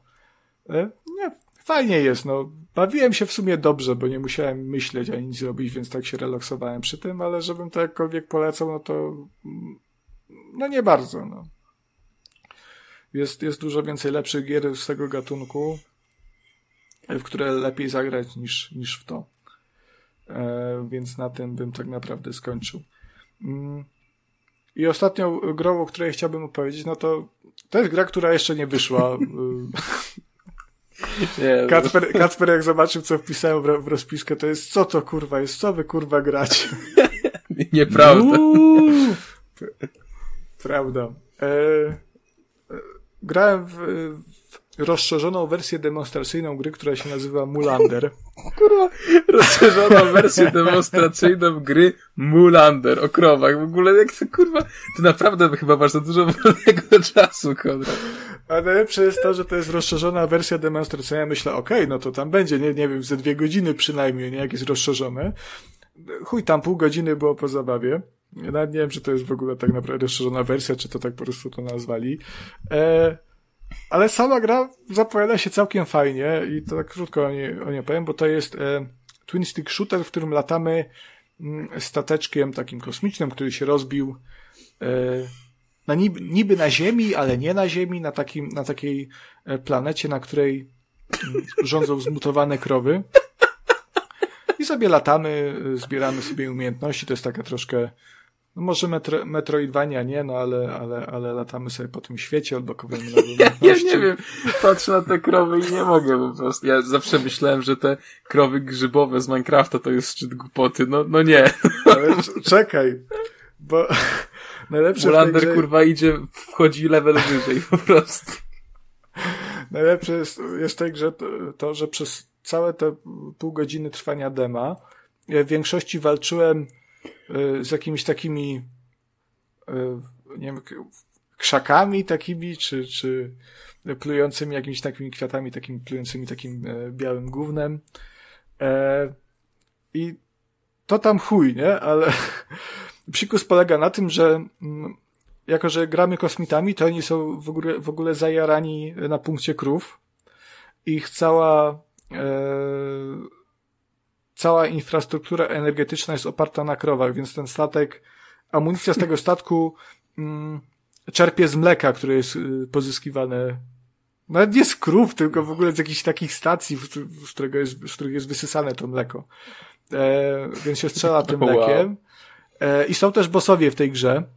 Mm, ja miałem przyjemność w tym demie walczyć tylko z jednym bossem, natomiast to była krowa. I napierdalasz tą krowę tym lekiem i ona tam mutuje, przyzywa jakieś osy dziwne. E, ona też ciebie atakuje, tak z dyńki podskakuje, bo ty latasz i, i cię wali z dyńki. I tak, no jest wesoło. Może nie brzmi jak zbyt zachwycony, znaczy, ale znaczy, zapowiada się tak, spoko. Brzmisz jak ja na indykach teraz. Nie, no tak całkowicie poważnie, to wygląda ciekawie, nie? No to jest absurdalne, ale to wygląda całkiem okej. Okay. No bo, no bo właśnie jest okay, tylko problem jest taki, że ta gra jest koncepcyjnie tak bardzo absurdalna, że już, już ciężko opisać w jakikolwiek sposób, który nie brzmi jakby się z tej gry po prostu nabijał, no bo autentycznie latasz kosmitą i napierdalasz krowy, nie? Więc... Ale zapowiada się fajnie, ja to będę obserwował, myślę. Eee... Demko można sprawdzić na Steamie za darmo, nie trzeba być influencerem. Wow. Tak, także, także, nie trzeba prowadzić podcastu, tak. Także, także możecie rzucić okiem. Nie wiem, ile trwa zwykłe demo, skoro rozszerzona wersja demonstracyjna trwała pół godziny aż całe. E, natomiast to jest coś fajnego i, i, i w sumie to jest to chyba najbardziej pozytywna gra, o której mówiliśmy w tym odcinku. Ale widzę, że jeszcze będzie... No może poza Bright Memory Infinite. Będzie koop online kanapowy. A jest, są tam no, jakieś no, tryby Dla czterech osób będzie. Takie, że nie mam przyjaciół, no to tak średnio masz wyszło sprawdzanie tego. A ty nie grasz na PC. No ale masz przyjaciela. Ale nie na PC. Na PC mam tylko Kubę, a nie chcę, nie chcę Po tym, co zrobiłeś z moją recenzją Bright Memory, nie chcę z tobą grać. Grać już. Wszyscy zrobiłeś. Już dobrze wiesz, co zrobiłeś. Ej, ej, ej, ej, ej, to jest moment lepiej. na pozdrowienie Roberta, bo to już prawie koniec. Pozdrawiamy Roberta bardzo serdecznie. Ciekawe, czy po raz kolejny zda egzamin. Jak słucha, to niech napisze w komentarzu mu. To, jest tak jak youtuberzy teraz. Jeśli dotrwaliście do tego momentu, to walnijcie komentarz mu. Nie, bo on już po prostu po każdym epi- epizodzie może na dole pisać, że pozdrawiam też, bo po prostu... Z automatu może mu po prostu pisać. W sumie okej. Też pozdrawiam. Okej. Strasznie nam negatywny odcinek wyszedł, mam wrażenie. Na końcu tylko taka gry do recenzji moja dygresja. E, to jest, Konrad, jesteś strasznym gamingowym hipsterem, muszę przyznać, bo granie w wersję demo z takiej własnej nieprzymuszonej woli w 2021 roku to jest coś, to jest rzecz godna podziwu, nie? Naprawdę. Jakby oficjalnie się już wszystkie studia wycofały z wersji demonstracyjnych, już coś takiego nie istnieje. Ja w ogóle się zdziwiłem, że e, no oprócz tych tam festiwali steamowych, co są czasami, tak? To tam wypuszczają te demka, no ale teraz takie się nie odbywa i jest jakaś gra Mulander i ma demo i ty ją znalazłeś i stwierdziłeś, o, Nie, Jest wysłali nam kod. on pazerne się na A, kod wysła- rzucił, no co ty, ty? aha, a no to chyba, że nie, dobra, okej, to po prostu ty Tak myślę, a będę grał, po będę krowy doił, a potem pazerną świnią na kod. Steama, a to demo. I chuj. Dobrze. Także no co, wydaje mi się, że tym e, pozytywnym akcentem możemy zakończyć już 17 epizod Trójkastu. Epizod specjalny, powtarzam, który jubileuszowy, no bo to już mamy rok. E, więc e, podcast swoim wiekiem dogania nasz wiek mentalny coraz szybciej. Wiesz co, ja, ja tak się zastanawiam, czy myśmy to powinni e, tym e, takim jubileuszowym, rocznicowym podcastem nazywać, skoro cały odcinek zamiast świętować i się radować i cieszyć się grami, to narzekamy. No ale niech Ale będzie. to No, nie nasza no wina, cóż, no. nie my te gry wydaliśmy, tak? Ale- Proszę, proszę nam wysyłać lepsze gry. Ale, ale żeby nie było, w ogóle jakiś, jakiś ten okres ostatni, jeżeli chodzi o gry, on jest zajebiście słaby. Jest, jest I- w topa za wtopą, praktycznie Tak. jest tragedia po prostu. Nie wiem, czy nam się, nam się udzielił ten klimat, czy, czy, czy ten, ale zazwyczaj jesień jest, jest, jest tym takim okresem, że tam wychodzą najlepsze, kurwa, tytuły. Tu nie, nie wiadomo, co, w co w ręce włożyć, czy w kamień, czy w Call of Duty, czy w co. E, No a teraz się człowiek zastanawia, w co rąk nie włożyć tak naprawdę, bo GTA gówno, Call of Duty, e, Fajne. For, for, no dobra, Call of Duty zebrało ceny na poziomie 70 paru, no to też na AAA to jest tak średnio. Chyba ciągle Far lepiej niż też nowy takie Battlefield. E, Bo tam to Battlefield się też w ogóle się posypało. wypieprzył. Coś tam jeszcze się wypieprzyło chyba, nie?